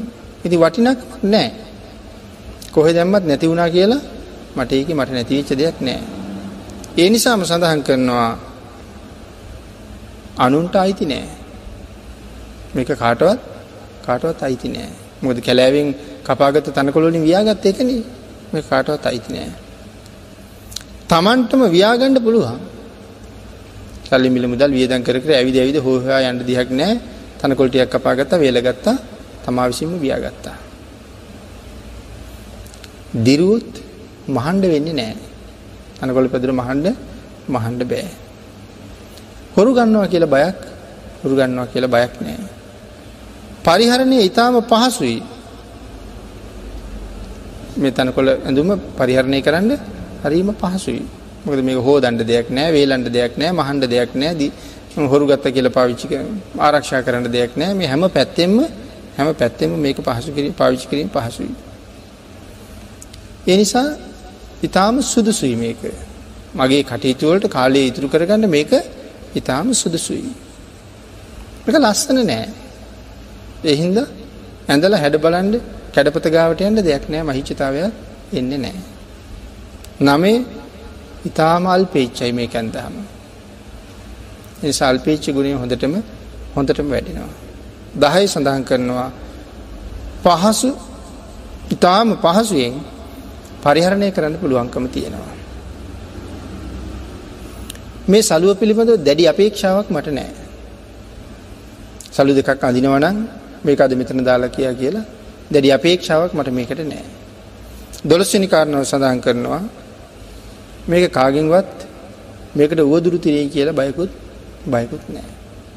එනම් අර ඇඳුමට කොච්චර උපද්‍රව තිබුණද මේ ඇඳුම මට ඕන තැනක දාලා යන්න පුළුවන් කිලිටු වෙනවා හොදන්න වෙනවා පරණ වෙනවා කියලා කතාවකුත් නෑ. හොරු ගන්නවා කියලා බියකුත් නෑ. මහලුකු වටිනාකමකුත් නෑ. මහිච්ඡතාවයක් ඇති වෙන්නෙත් නෑ. හැම පැත්තෙම පහසුයි. එහෙනම් වටිනා ඇඳුම සම්බාධ නමයකින් යුක්තයි. ඒ නිසා මම ඒ ඇඳුම අයින් කරලා මේ තන ඇතිරියට බැහැගත්තා. ඊළඟට සඳහන් කරනවා ඊළඟ ගාථාවේදී වපුට නිපන් රෝපණය කොට නිපන් ධාන්‍ය නිරවශේෂයෙන් හලිමි. නොෙක් ගුණයෙන් යුක්ත වූ තුවටුයෙන් ගිලිහි වැටුණු පල වැළඳීමේ. සඳහන් කරනවා මේ භාවනාව කරන කාලේ ආහාර සොයාගෙන වැඩී නෑ කොහෙවත් කියලා. වැඩඉන්න තැනට වැටුනනම් යමක් ගහේ පලයක් හෝ කොලයක් අපිට මතක් වෙන දුෂ්කරක්‍රියා කරපු කාලේ. එය පමණයි වැළඳුවේ. ආහාර හොයාගෙන යන්න කල්මැරුවේ කල්මැරුවනෑ එහෙම කල්මැරුවනක් දවස් හතෙන් මේ මේ අභිග්ඥා ලබන්න පුළුවන්කම පුළුවන්කමක් නෑ. මුල් කාරණා විස්තාව සඳහන් කරනවා ආවාසය ගැන. ආවාසයත් අතහරිනවා. ඇයි ආවාසය අතහරින්නේ ආවාසය තියෙනවා දෝස අටක්. මේ දෝසාට අපි ජීවත්වෙන හැම ආවාසිකම තියෙනවා. දැ ආවාසික හම සමහරලට අපි පින්නතුන් හිතන මේ දෝසාටම තියෙන පසලි කියලා. පන්සලෙත් ඔබ ඉන්න තැනත් දෙකම දෙකම මෙතන ගණන් ගරන් තියෙන ආවාසය කියලා. බන්න ඒ ආවා ඒ දෝසාට එහෙනම් අපි ගෙදරත් තියෙනවා. එනිසා සඳහන් කරනවා බොහෝ දේ රැස් කරන්න වෙනවා. ගයක් හදන්ඩ වෙච්චහම වැලි හොයන්ඩ ඕන ගල් හොයන්ඩ ඕන ගඩොල් හොයන්ඩ ඕන කම්බි හොයන්ඩ ඕන ලී හොයන්ඩ ඕන උළු හොයන්ඩ ඕන කීයක් දේවල් රැස් කරන්න සිද්ධ වෙනවාද. මේ තම ආවාසයේ එක දෝෂයක්. ඉළඟට සඳහන් කරනවා එහෙම හොයලා හොයලා රැස් කරලා හැදුව කියලා ඉවරකුත් නෑනේ ඊට පස්සේ පිළිසකර කරන්න සිද්ධ වෙනවා. අහරින් කැඩිලා මෙහෙන් කැඩිලා අතන දිරලා මෙතන තෙමිලා පිළිසකර කරන්න සිද්ධ වෙනවා. ඒකත් ඉවරයක් ඉවරයක් නෑ.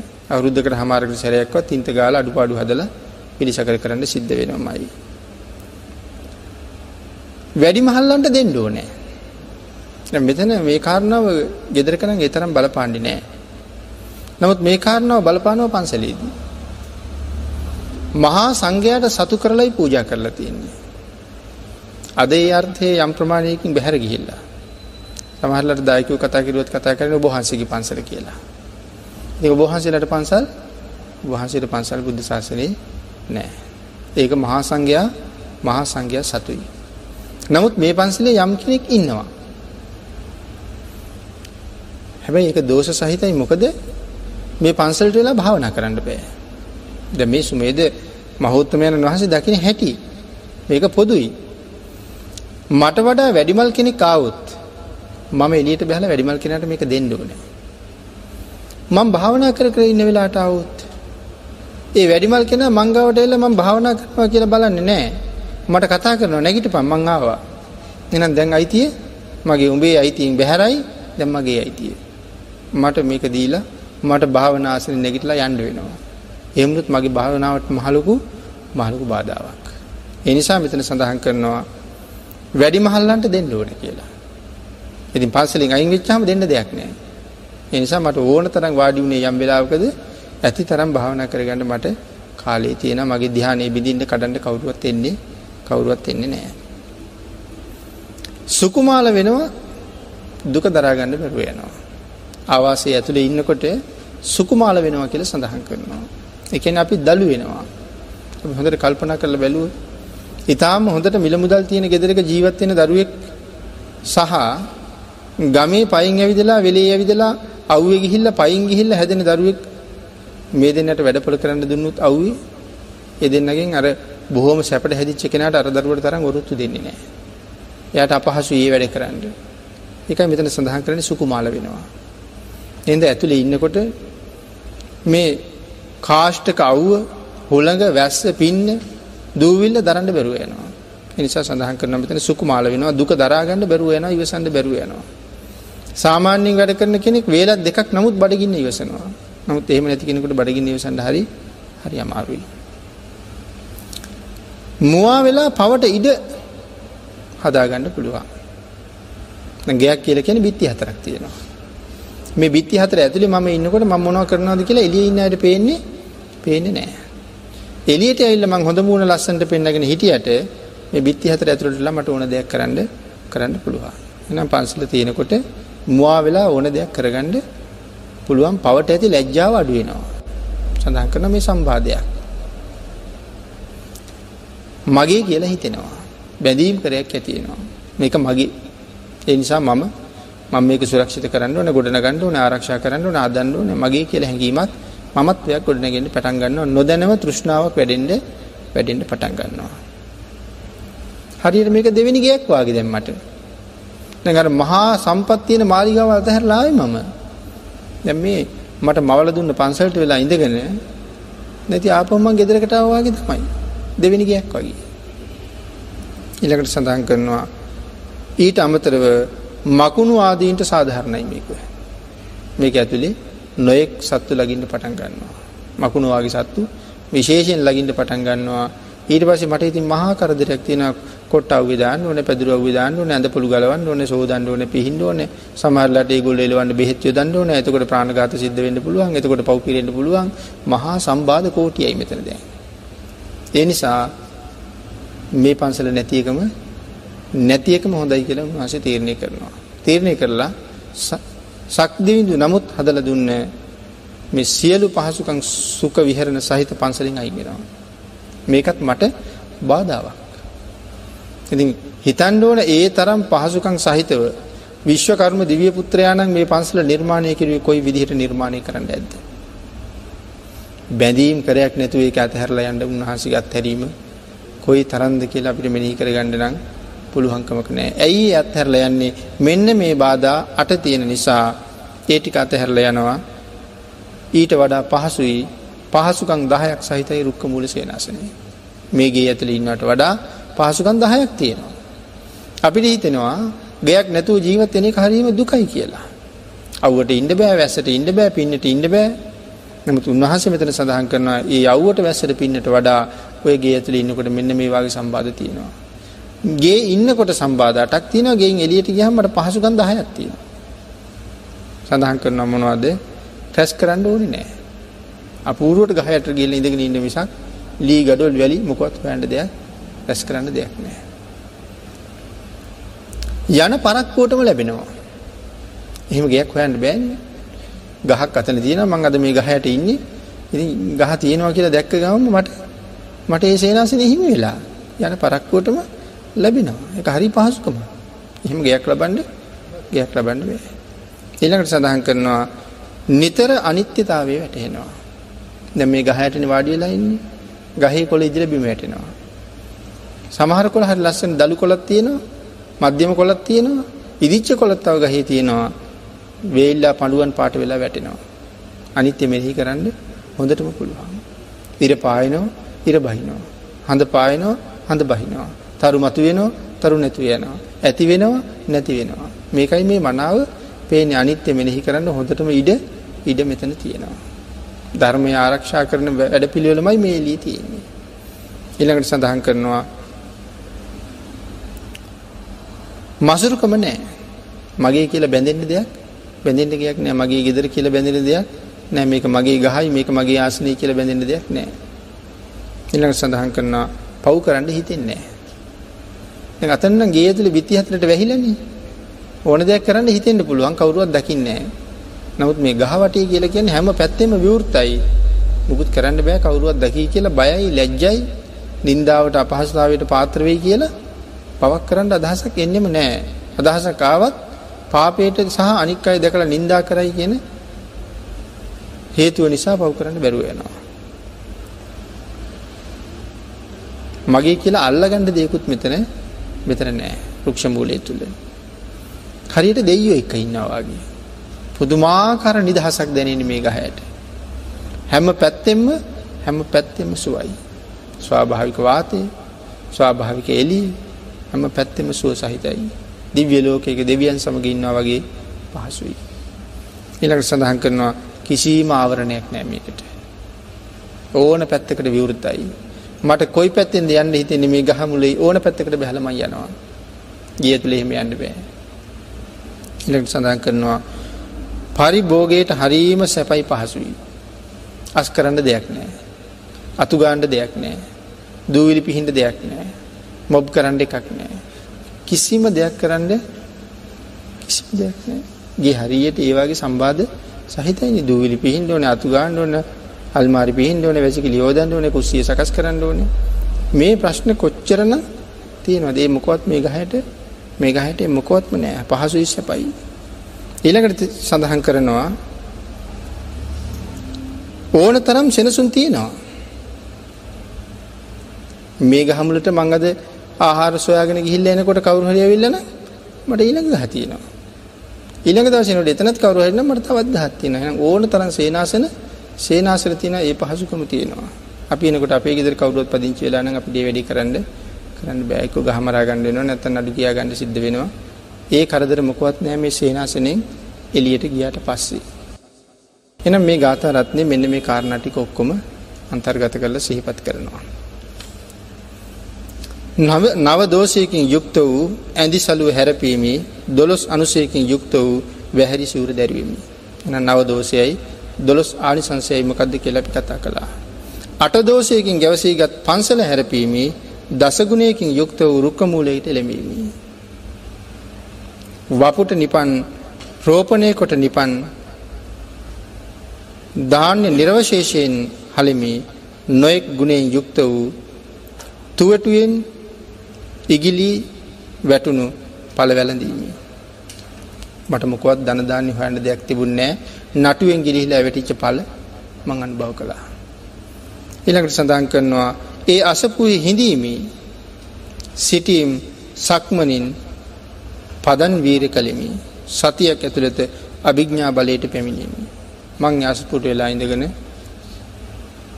ඉඳමින් හිටිමින් විතරයි නිදාගත්ත කියල සඳහන් කරක් නෑ මංගේ අසපුහි හිඳීමී සිටීමී සක්මනින් පදන් වීරි කළෙමි ඉඳමින් හිටිමින් සක්මනින් පදන් වීරී විතරක් කලා ඉඳගත්ත හිටගත්ත සක්මං කලා සතියක් ඇතුළත අභිග්ඥා බලයට මං පැවුණා. එන අපි මුලින් සඳහන් කළා බ්‍රහොම උග්‍ර තපසක් උග්‍ර වීරයක් කරලා තමයි මේ සතියක් ඇතුළත පංච අභිග්ඥා සහෂ්ටව සමාපත්ති ලබාගත්ත කෙළ සඳහන් කළේ. ඊළකට සඳහන් කරනවා මෙසේ හෙයින් තාපස ශාසනයෙහි වශී වූමා අභිග්ඥා සිද්ධියට පැමිණි කල්හි ලෝකනායක වූ දීපංකර නම් ගින පං්ඥ මාරයන් වහන්සේ උපන්සේක. මං මේ විදිහට අභිග්ඥා ලබල ඉන්න වෙලාවේ. දීපංකර නම් වූ ගිනේන්ද්‍රයණන් වහන්සේ ලොව දිනපු මහවුතුමන් වහන්සේ ලෝක දහත්වයේ පහළ වුණා. ඒකැන උන්වහන්සේ අභිග්ඥා ලබල ඉන්න වෙලාවක තමයි දීපංකර බුදු පියාණන් වහන්සේ බුද්ධත්වය ලබල තියෙන්නේ. බොසතණන් වහන්සේ ඇට ඉතින්දලා බුද්ධත්වය ලබල තියන්නේ ඒ කාරණාවේ මං මේ අභිග්ඥා ලබා සිටින මොහොතේ උන්වහන්සේ ජිනේන්ද්‍රයන් වහන්සේලෝ පහළ වුණා. ඔබ පිළිසිඳ ගන්නා කල්හිද මවකුසින් නික්මෙන කල්හිද බුදුවන කල්හිද දම්සක් දෙසන කල්හිද මම ධ්‍යාන රතිහි ඇලුනෙමි සතර තැන්හි දෙතිස් පෙර නිමිති නොදිටීමී එනම් මෙතන සඳහන් කරනවා උන්වහන්සේ මාතෘ ගර්භය ඉපදෙන කොටත් සුමේද පණ්ඩිතයෝ ඉඳල තියෙනවා. ඔබ පිළිසිඳ ගන්නා කල්හිද. මවකුසෙන් නික්මෙන කල්හිද උපදින කොටත් හිටියා. බුදුවන කල්හිද දම්සක් දෙසන කල්හිද මම ධ්‍යාන රතිහි ඇලු නිමි. ඔබේ ජීවිතයේ මේ සියලු කාර්යන් සිද්ධ වෙනකොට මම ධ්‍යානසෝයෙන්මයි කාලය ගත කළේ.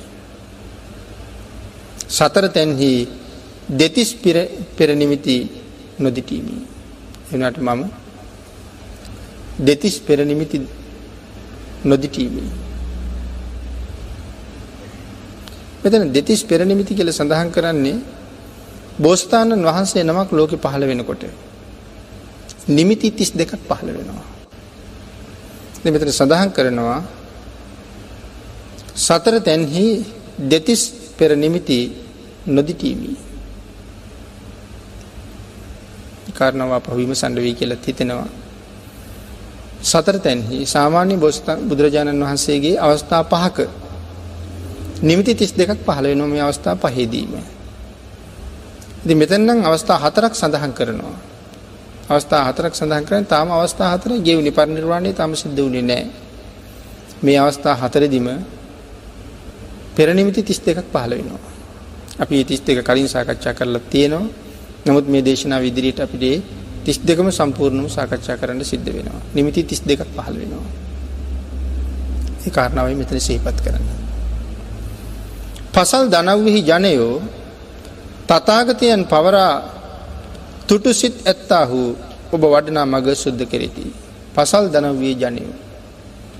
මේ ප්‍රත්‍යන්ත දේශයක ටිකක් ඇතුළු නගරයෙන් බාහිර ප්‍රදේශයක ජනතාව භාග්‍යතුන් වහන්සේට දන්දීම සඳහා දානයක් පිළියල කරලා ඒ දානශාලාවට වඩින්ඩ මග හදනවා. දාන තියෙන තැනට දානශාලාවට වඩින්න පාරහදනවා. පසල් දනව වෙහි ජනයෝ තතාගතයන් පවරා තුටුසිත් ඇත්තාහු ඔබ වඩනා මග සුද්ධ කරති. එකල්හි මම් සිය අසපුුවෙන් නික්ම එදවස් වැහැරි සලමින් අහසින් ගියමි. එකල්හි මම සිය අසපුුවෙන් නික්ම එදවස් වැහැරි සලමින් අහසින් ගියමි. මේගොල්ලු පාරහදනවා. පාරහදන වෙලායි මම මේ වැහැරී ඇඳගෙන අහසින් යනවා. අහසින් යන වෙලා තමයි දකින්නේ මේ පිරිස පාරක් හදනවා. පාරක් හදනවා දැක්කට පස්සේ එතනම බිමට බහිනවා.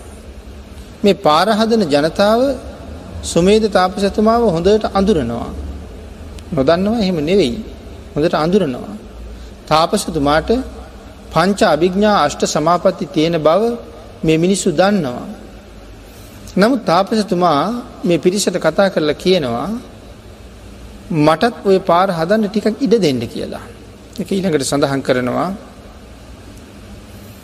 හටගත් සොම්නස් ඇති තුටු පහටු වූ ප්‍රමුදිත වූ ජනය දැක එකනෙහි අහසින් බැස මිනිසුන් විචාලමි. බොහෝම ප්‍රීතියක් ඇති වුණා මට පාරක් හදනවා දැකලා. ඒ පාර හදනවා දැකලා ඇති වූ ප්‍රීතිය නිසා මම බිමට බැහලා ඒගොල්ලන්ගෙන් ඇහුවා මොකද්ද මේ කරන එක කියලා. තුටු පහට වූ ප්‍රමුදිත වූ හටගත් සොම්නස් ඇති මහජන තෙමේ මාර්ගයේ සුද්ධ කෙරෙයි. අංජස වටුම අයන සංඛ්‍යාත වූ මාර්ගයේ කවරක් හට සුද්ධ කරනු ලැබේද.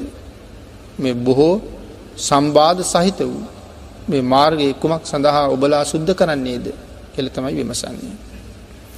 මා විසින් පිළ උස්නා ලද ඔහු මෙසේ පැවසූහ.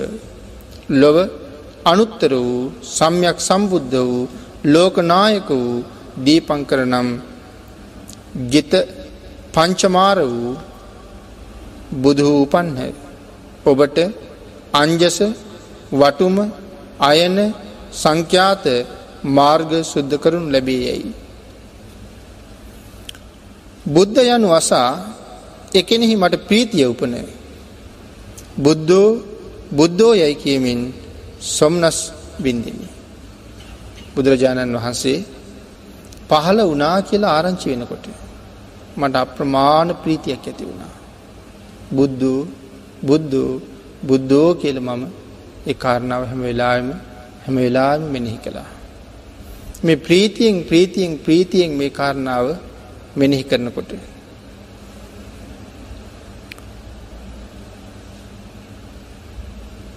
එහි සිට සතුටු වයමි ප්‍රීතියෙන් විශ්මිත සිත් ඇතියම් මෙසේ සිතියමි. මේ දීපංකර පින් කෙතෙහි කුසල් බිජුවට රෝපණය කරන්නෙමි. ෂණ සම්පත් නහමක් ඉක්ම ඒවා මට ඇතිවෙච්චි ප්‍රීතිය නිසා මන් තීරණය කළා මේ දීපංකර නම් කුසල් සහිත කෙතේ මේ කෙතේ මගේ කුසල් නැමති බීජ රෝපණය කරන්න ඕන කියලා. කුසල් නැමති බීජ රෝපණය කරන්න නෙමෙයි ෂණ සම්පත් නහමක් ඉක්ම ඒවා. මේ කුසල් නැමති බීජ රෝපණය කරන්න නම් ෂණ සම්පත් නහමක් ඉක්ම ඒවා. සිද්ධ වෙනවා වැඩ කරන්න. මහන්සි වෙන්ඩ සිද්ධ වෙනවා. නමුත් මගේ මහන්සිය මගේ ශක්තිය උන්වහන්සේ වෙනුවෙන් කැපවේවා උන්වහන්සේ වෙනුවෙන් මගේ ශක්තිය වැෑවේවා. මේ කාරණාවට සූදානන් වෙලා මාර්ගය පිළිසකර කරන්න අවසර ඉල්ලනවා. මටත් මටත් ඉඩක් දෙන්න. ඉදින් බුදුනට මග සුද්ධ කරව් නම් මටත් එක් අවස්කාශයක් දෙව් මමද වටුම අයන සංඛ්‍යාත මාර්ගයේ සුද්ධ කරන්නේ. බුදුන්ට වඩින්ට පාරහදනවා නං මටත් අවකාශයක් දෙන්න. මමත් මේ දුර්ග මාර්ගයේ භාගිතුන් වහන්සේට වඩින්ට පිළිසකර පිළිසකර කරන්න. එකල්හි ඔහු එකල්හි ඔහු මට මග සුද්ධ කරනු සඳහා එක් පෙදෙසක් දුන්හු එකල්හි මම බුද්ධෝ බුද්ධෝෂිතමින් මග සුද්ධ කිරමි. උන්වහසට ලැබෙන්නේ කොහොම තැනැද්ද. උන්වහන්සේට ලැබෙන්නේ ගොඩ කරගන්න බැරි මඩ වගුරක්. මේ පිරිස ඇයි උන්වහන්සේට මඩ වගුරක් දෙන්නේ. ඒ පිරිස දන්නවා මේ මඩ වගුර අපට ගොඩ කරලා ඉවර කරන්න ඉවර කරන්න බෑ. තාපසතුමාට නම් ඉර්දි තියෙනවා. එනිසා තාපසතුමා මේ මඩවගුර ඉර්දියෙන් ගොඩ කරයි. එනිසා තාපසතුමාට මඩවල මඩවල දෙන්න. ඉතින් සඳහන් කරනවා තාපසතුමාට මඩවල දුන්නේ ඉර්දියෙන් ගොඩ කරන්න. තාපසතුමා තීරණය කරනවා මේ මඩවල ඉර්දියෙන් ගොඩ කෙරුවොත් මට ලැබෙන පින් ප්‍රමාණය පින් ප්‍රමාණය අඩු වෙනවා. කායික ශක්තිය යොදලා වෙහෙස මහන්සි වෙලා දාඩිය මුගුරු හලලා මේ මඩවල ගොඩ කරන්න අවකාශ ලැබුණොත් මට සිද්ධ වෙන්නේ අප්‍රමාණ වූ කුසලයක් අත්පත් කරගන්න. මාගේ මාර්ගයේ කොට්ටාශය කොට නොනිම් කල්හි මහා මුනි වූ පස්මරුන් දිනු දීපංකර සර්වඥයන් වහන්සේ ෂඩ් අභිග්ඥාදී ෂඩ් අභිග්ඥා වූ තාදී ගුණ ඇති පහ වූ රාගාදී මල ඇති සාරලක්ෂයක් රහතුන් සමඟ මගට පිළිපන්සේක මට දුන්න කොටස මාගේ මාර්ග කොට්ටාසේ නොකට නිමිකල්හි තාම නිමා කරගණ්ඩ බැරි වුණා. මාර්ග කොටස නිමා කරගන්න බැරි වුණා දීපංකර බුදු පියාණන් වහන්සේ හාරලක්ෂයක් මහරහතන් වහන්සේලා සමඟ මේ මොහොතේ මගට පිළිපන්න. මේ කාරණා විදිත් අපට විමසන්න කරුණු කරුණු හරියට තියෙනවා. අතීතයේ අය කෙසේ නම් දන්දීල තියෙනවාද. දහනමකට දන්දී ගණඩ ගියොත් අපි මොන තරම් කලබල වෙනවාද. දුවනවා පයිනවා හැසිරෙනවා. කොයි තරම් අමාරු අපිට දහනමකට දන් දෙන්නේ. දැන් මේ දානශාලාවට කීනමක් වඩිනවාද? ලක්ෂ හතරක් වඩිනවා. කොහොම ආසන පනවන්ඩ ඇද්ද? කොහොම දම් පිළිගන්නවන්ට ඇද්ද? කොහොම දං උයන්ඩ ඇද්ද? කොහොම උන්වහන්සේලට උපස්ථාන කරන්න ඇද්ද? කොයි විදිහේ ශාලා පිළියල කරන්න ඇද්ද? මේක කාරණාවක්ත් අපට හිතාගණඩ පුළුවන් තැනක නෙවෙයි තියන්නේ සාර ලක්ෂයක් මහරහතුන් සමග උන්වහන්සේ මගට පිළිපන්න. රාතන් වහන්සේල සමඟ මගට බැහැල භාගිතුන් වහස වඩිනවා. සතුටු දේව මනුෂයෝ පෙරගමන් කෙරෙති බොහෝ බෙරවයති සාධකාර පවත්වති දෙවියෝ මිනිසුන් දකිති මනුෂ්‍යයෝ දෙවියෝ දකිති ඒ දෙව් මිනිස් දෙපසම ඇදිලි බැඳ තතාගතයන් වහන්සේ පසු පස්සේ ඇති දෙවියන්ට මිනිස්සු පේනවා. හරි ආශ්චර්යමත අවස්ථාවක්නක දෙවියන්ට මිනිස්සු පේනවා මිනිස්සුන්ට දෙවිය පේනවා. දෙවියොත් සාදු කියනවා මිනිස්සුනුත් සාදු කියනවා. ඔක්කොම එකතු වෙලා සාදුකය කියා බුදුරජාණන් වහස පිටි පස්සෙන් යනවා. දෙවියෝ තූර්යවාදනයෙන්ද මනුෂ්‍යයෝ මානුෂික තූරයෙන්ද ඒ දෙපක්ෂයෙහි වූෝ වාදනය කෙරමින් තතාගතයන් පසු පස්සේ යති. ආකාශ සංඛ්‍යාත නබස්හි නොයෙක් අහස්හිද දෙව්ලොවහිද දෙවියෝ දිව්‍ය මදාරා මල්ද පියුම්ද පරසතු මල්ද ඒ ඒ දෙසින් විසිරුවත්. දෙවියෝ දිව්‍ය මේ තූරය බාණ්ඩ වාදනය කරනවා. මිනිස්සු මනුෂ්‍ය මේ තූරය බාණ්ඩ වාදනය කරනවා. දෙපස ඉන්න අය වැඳගෙන බුදුරජාණන් වහන්සේ පිටිපස්සේ ගමන් කරනවා. සමහර දෙවිය තූර්ය වාදනය කරනවා සමහර දෙවිය දිව්‍ය ලෝකෙ තියෙන මදාරා මල් අරගෙන මල්පිති පාරපුරා ඉහිරවනවා. භාග්‍යතුන් වහන්සේ ඇතුළු හාර ලක්ෂයක් මහරහතන් වහන්සේලා මේ සියලූම හරසර මධ්‍යයේ උන්වහන්සේලා දාන ශාලාවට වඩිනවා. පොලෝ තලෙහි වූ මනුෂ්‍යයෝ සපුමල්ද සරල හොර කුසුම් හොර කුසුම්ද කොළොම් මල්ද නා දොඹ වැටකේ මල් ඒ ඒ දෙසින් නහත් පොළෝ තලයේ ඉන්න මිනිස්සු මනුස්ස ලෝකයේ තියෙන සපුමල් නාමල් දොඹමල් වැටකේමල් ආදී විවිධාකාර මල්වරය අර්ගන භාගිතුන් වහන්සේ පුදමින් පිටිපස්සෙන් ගමන් කරනවා. මම එහි හිසකෙස් මුදා වැහැරිද සම්කඩද කලල් මත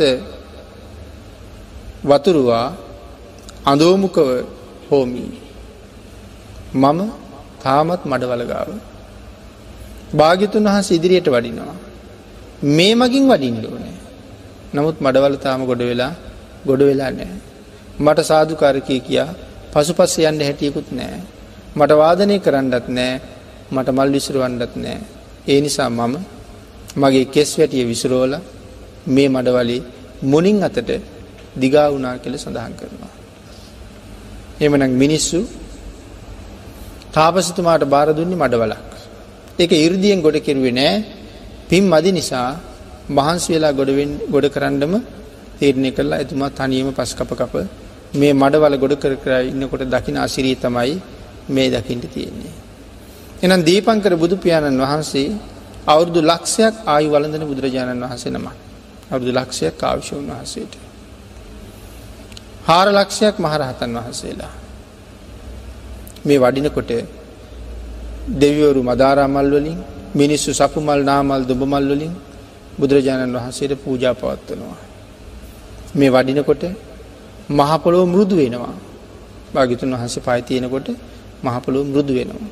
සඳහන් කරනවා අපි මේ නිදාගන්න මෙට්ටෙ කොට්ටෙ පෑගුවොත් යම් සෝයක් පාදයට දැනෙනවද භාගිතුන් වහන්සේගේ සිරිපතුළ භාරගණ්ඩ මේ මහපොළොව ඒ විදිහට මෘදු වෙවී තමයි සිරිපතුළ භාරගන්න. ඊට අමතරව තවත් සුවිශේෂී කාරණා රැසක් මේ වෙලා සිද්ධ වෙනවා. වැස්ස වලාහක දෙවියෝ පාරට වහිනවා. පාරට විතරයි වහින්නේ. වැහිපොද වට්ටනවා. පාර තෙමීගෙන යනවා වැහිපදින්. සුළඟට අධිපති දෙවියු ඒත් සමගම් පාරිතියන කොළරඩු කෝම පාරිෙන් අයින් කරලා දානවා. වලාහක දෙවියෝ බලාකුළුවල ඉන්න දෙවිවරු බලාකුළු තල්ලු කරගෙන ගිහිල්ලා සූරියාව හලදානවා. සූරය රශ්මය පතිතයනය කඩු කරනවා. ස්වභාවයම ගස් කොලන් තමන් අතුවග පලදරල තියෙන මල් පාරට නෙමිනෙමී නැමිනෙමී මල් පිති පාරට වට්ටනවා. භාගිතුන් වහසේ මඟ වඩිනකොට මේවාගේ සිද්ධ වෙන අසිරීන් අසී මාන්තිකයි. ඉතින් සම්මා සම්බුද්ධ කියන මේ මහෝත්තම රත්නය මේ මහපොළොව උන්වහන්සේ පිළිගන්න කොහොම සූදානන් වෙලා ඉන්ඩ ඇද්ද. එනම් භාගිතුන් වහන්සේගේ සිරිපතුළ භාරගණ්ඩ මහපොලොවක් වෙන්න තිබුණනගේ එකත් කොයි තරම් භාග්‍යද. මහපොලොව ලබන භාග්‍ය අපිට ලබන්ඩ බැන් භාගිතුන් වහන්සේගේ සිරිපතුළ හැම වෙලාම මහපොලොව සිප ගන්නවා. නත් අපට භාගිතුන් වහසගේ සිරිපතුළ සිප ගණ්ඩ ලැබුණ නැතිවුණට භාගිතුන් වහන්සේ අපිට දේශනා කරපු සංසාර විමුක්ති මාර්ගයේ සැනසෙන්ද අපිට පාර භාගිතුන් වහසේ දේශනා කළා. ඉති මේ ආකාරයෙන් භාගිතුන් වහන්සේ වඩිනවා සුමේද තාපසතුමා ප්‍රාණ පරිත්‍යයාග කරලා මඩ වලීදි ගැරිල ඉන්නවා. මේ වෙලාවේ දීපංකර බුදු පියාණන් වහන්සේ ළඟට ඇවිල නතර වෙනවා. නතර වෙලා සුමේද තාපසතුමා දිහා හොඳට බලනවා. කවුද මේ ජීවිතය පූජා කරලා තියෙන්නේ. ඒ කාරණාව සහිපත් කරනවා පෘථවිහි හොත් මට මෙබඳ වූ චිත්ත විතර්කයෙක් ඇතිවිය. මම අද කැමති වූයම් නම් මගේ රාගාදී කෙලෙසුන් දවන්නෙමි.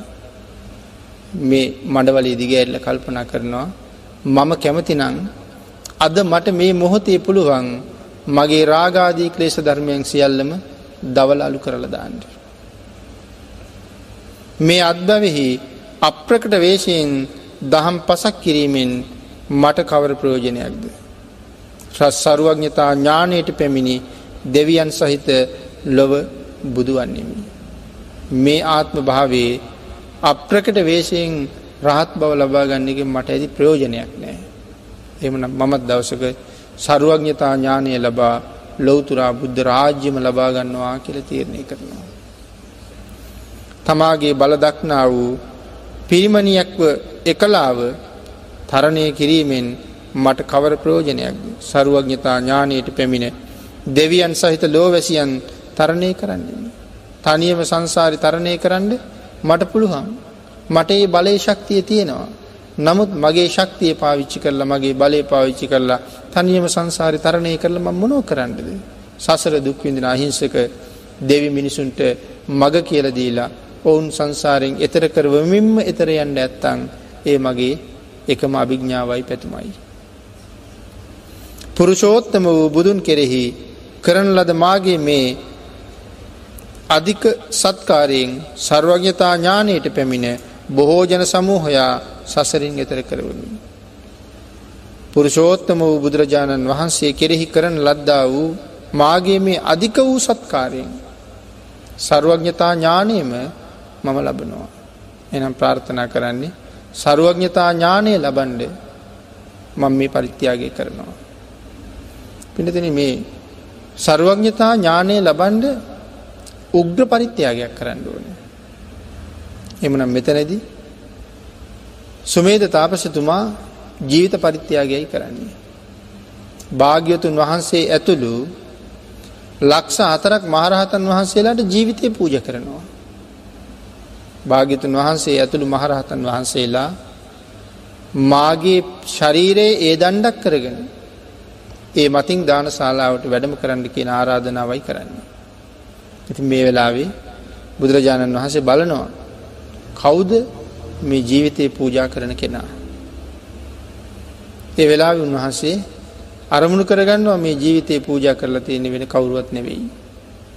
මතු අනාගතයේ ලෝක දහතුවේ පහළ වෙන සම්මා සම්බුද්ධත්වයට පත්වන මහෝත්තමයා තමයි මේ මඩවලී දිගෑරිල ඉන්නේ. ඒ නිසා ආපහු හැරිලා ලක්ෂ හතරක් මහරහතන් වහන්සල දිහා බලනවා. මේ තාම උන්වහන්සේගේ ඥාන ශක්තියට විතරයි මේ කාරණා වැටහුණේ. අනික්කයි කවුරුවත් දන්න හැ. මිනිස්සු දන්නෙත් නෑ මේක. හැරිල බලලා අර මහරහතන් වහන්සේලාට කියනවා මහනිනී මේ පුද්ගලයෙක් මඩවලේ දිගෑරිලා අපට ජීවිත පූජාවක් කරලා තියෙනවා. මේ ජීවිත පූජාව භාරගණ්ඩ පුළුවන් මට විතරයි. මා හැර දෙවියන් බඹුන් මරුන් සහිත ලෝකයේ වෙන කිසිම පුද්ගලයකුට මේ පිටට පයිතියන්ට නං වරක් නැහැ කියල සඳහන් කරනවා. පුළුවන්කමක් නෑ. ඒ වෙලා භික්‍ෂූන් වහන්සේ අහනවා ස්වාමීනී කුමන හේතුවක් නිසාද. ඒ වෙලා භාගිතුන් වහස දේශනා කරනවා මේ මඩවලේ දිගෑරිලා අපට ජීවිත පූජාවක් කරලා තියෙන්නේ. උන්වහස මේ වෙලාව ඉතා දීර්ඝ විවරණයක් ලබල දෙනවා. තවත් මහාකල්ප අසංක්‍ය හතරයි ලක්ෂ එකක් ගතවෙච්ච තැන. දඹදිව ඔක්කාක රාජ පරම්පරාවට අයිති. මහා සම්මත රාජවන්සේ ඔක්කාක රාජ පරම්පරාවට අයිති සුද්දෝදන නම් පුුණ්‍යවන්ත තාත්ත කෙනෙකුට දාව. මහා මායානං පුුණ්‍යවන්ත මෑණි කෙනෙගේ කුසේ පිළිසිඳගන දස මාසයක් මාතෘ ගර්භය තුළ ජීවත් වෙලා. සම්පූර්ණ වූ මාස දහයක් ඇවෑමෙන් නිමිති තිස් දෙකක් පහළ කරමින් ලෝක දහතුවට පහළ වෙවි. සිද්ධාර්ථ ගෞතම නමින් නමක් ලබා ගන්නවා.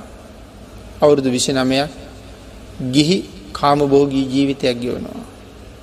අවුරුදු තිස් පහෙන් අවුරුදු විසිනමයෙන් ගිහි ගෙදර අතහැරල දාලා මහාවිනිෂ්ක්‍රමණය කරලා අවුරුදු තිස් පහෙන් ගෞතම සම්මා සම්බුද්ධ කියන නමින් ලොවතුරා බුද්ධ රාජ්‍යත් පත් කරගන්නවා. ඒ මහාපුරුෂයණන් වහන්සේ තමයි මේ මඩවලේ දිගෑරිලා අපට ජීවිත පූජාවක් කරලා තියෙන්නේ. ලොවතුරා බුදුවෙන මේ මහෝත්තමයාණන් වහන්සේගේ පිට පයිතියන්ට තවත් ලොවතුරා බුදු කෙනෙක් හැරවෙන කිසි කෙනෙකුට පුළුවන්කමක් නැහැ කියල දේශනා කරන මේ වෙලා සුමේද තාපසිතුමා මහරහතන් වහස නමකට වඩා ඉහලයි. තාම රහත් නූනට මහරහතන් වහන්සේ නමකට වඩා ඉහළ තැනකයි ඉන්නේ සුමේද තාපසතුමා. ඒ කාරණාව අපිට මනාව පැහැදිලි වෙන තැනක්නේ දෙව්ලෝ වැඩඉන්න වෙලාවේ සුද්ධවාසී ඉන්න මහරහතන් වහන්සේ ඇවිල්ල දනගහල ආරාධන කරන්නේ. කාලෝ අයන්තයේ මහාවීර උපාද මාතු කුච්චියන්. මාතෘ ගර්භයෙන් බිහිවුණාට පස්සේ දහ දාහක් සක්වලවල් තමන්ට පේන්නේ එක මිදුලක් වගේ පේන්නේ සක්කොලවල් දහදාහම පේන එක මිදුලක් වගේ. ඒ වෙලාවෙ නැගෙන හිර දිහාව බලනවා මේ පැත්තේ ඉන්නවට මට වඩා උසස් කෙනෙක්. ඒ පැත්තෙන් දෙවියෝ ගෝෂා කරනවා ස්වාමීනිය ඔබහන්සේට වඩා කොහෙද උසස් අය. උතුරු දිහාව බලනවා දකුණු දිහාව බලනවා. හැම පැත්තෙන්ම ගෝෂා කරනවා ඔබහන්සේට කොහෙද ඔබහන්සේට වඩා උසස් අය. ඒ වෙලා විතමයි හත් පියවරක් උතුරට වඩින්නේ අර අභීත සිංහනාදය කරමින්. මේ වෙලාවෙත් මහාකල්ප දාසේ දාහක් පමණ ආවිෂ තියෙන. ටිකක් මේ මහාකල්ප දාසේ දාහ. බුද්ධාන්තර ලොවතුරා බුදුරු හත් දෙනෙක් විතර දැකපු බ්‍රහ්මරාජයෝ මේ වෙලා ඉන්නවා. රහතන් වහන්සේලා. උන්වහන්සේලා ඇවිල්ල දන ගහල වඳිනවා. පැඳර කියනවා මහා පුරුෂෝත්තමයණන් වහන්සේ ඔබ වහන්සේට වඩා උතුම් අය කොහෙද මේ සක්වලේ තව.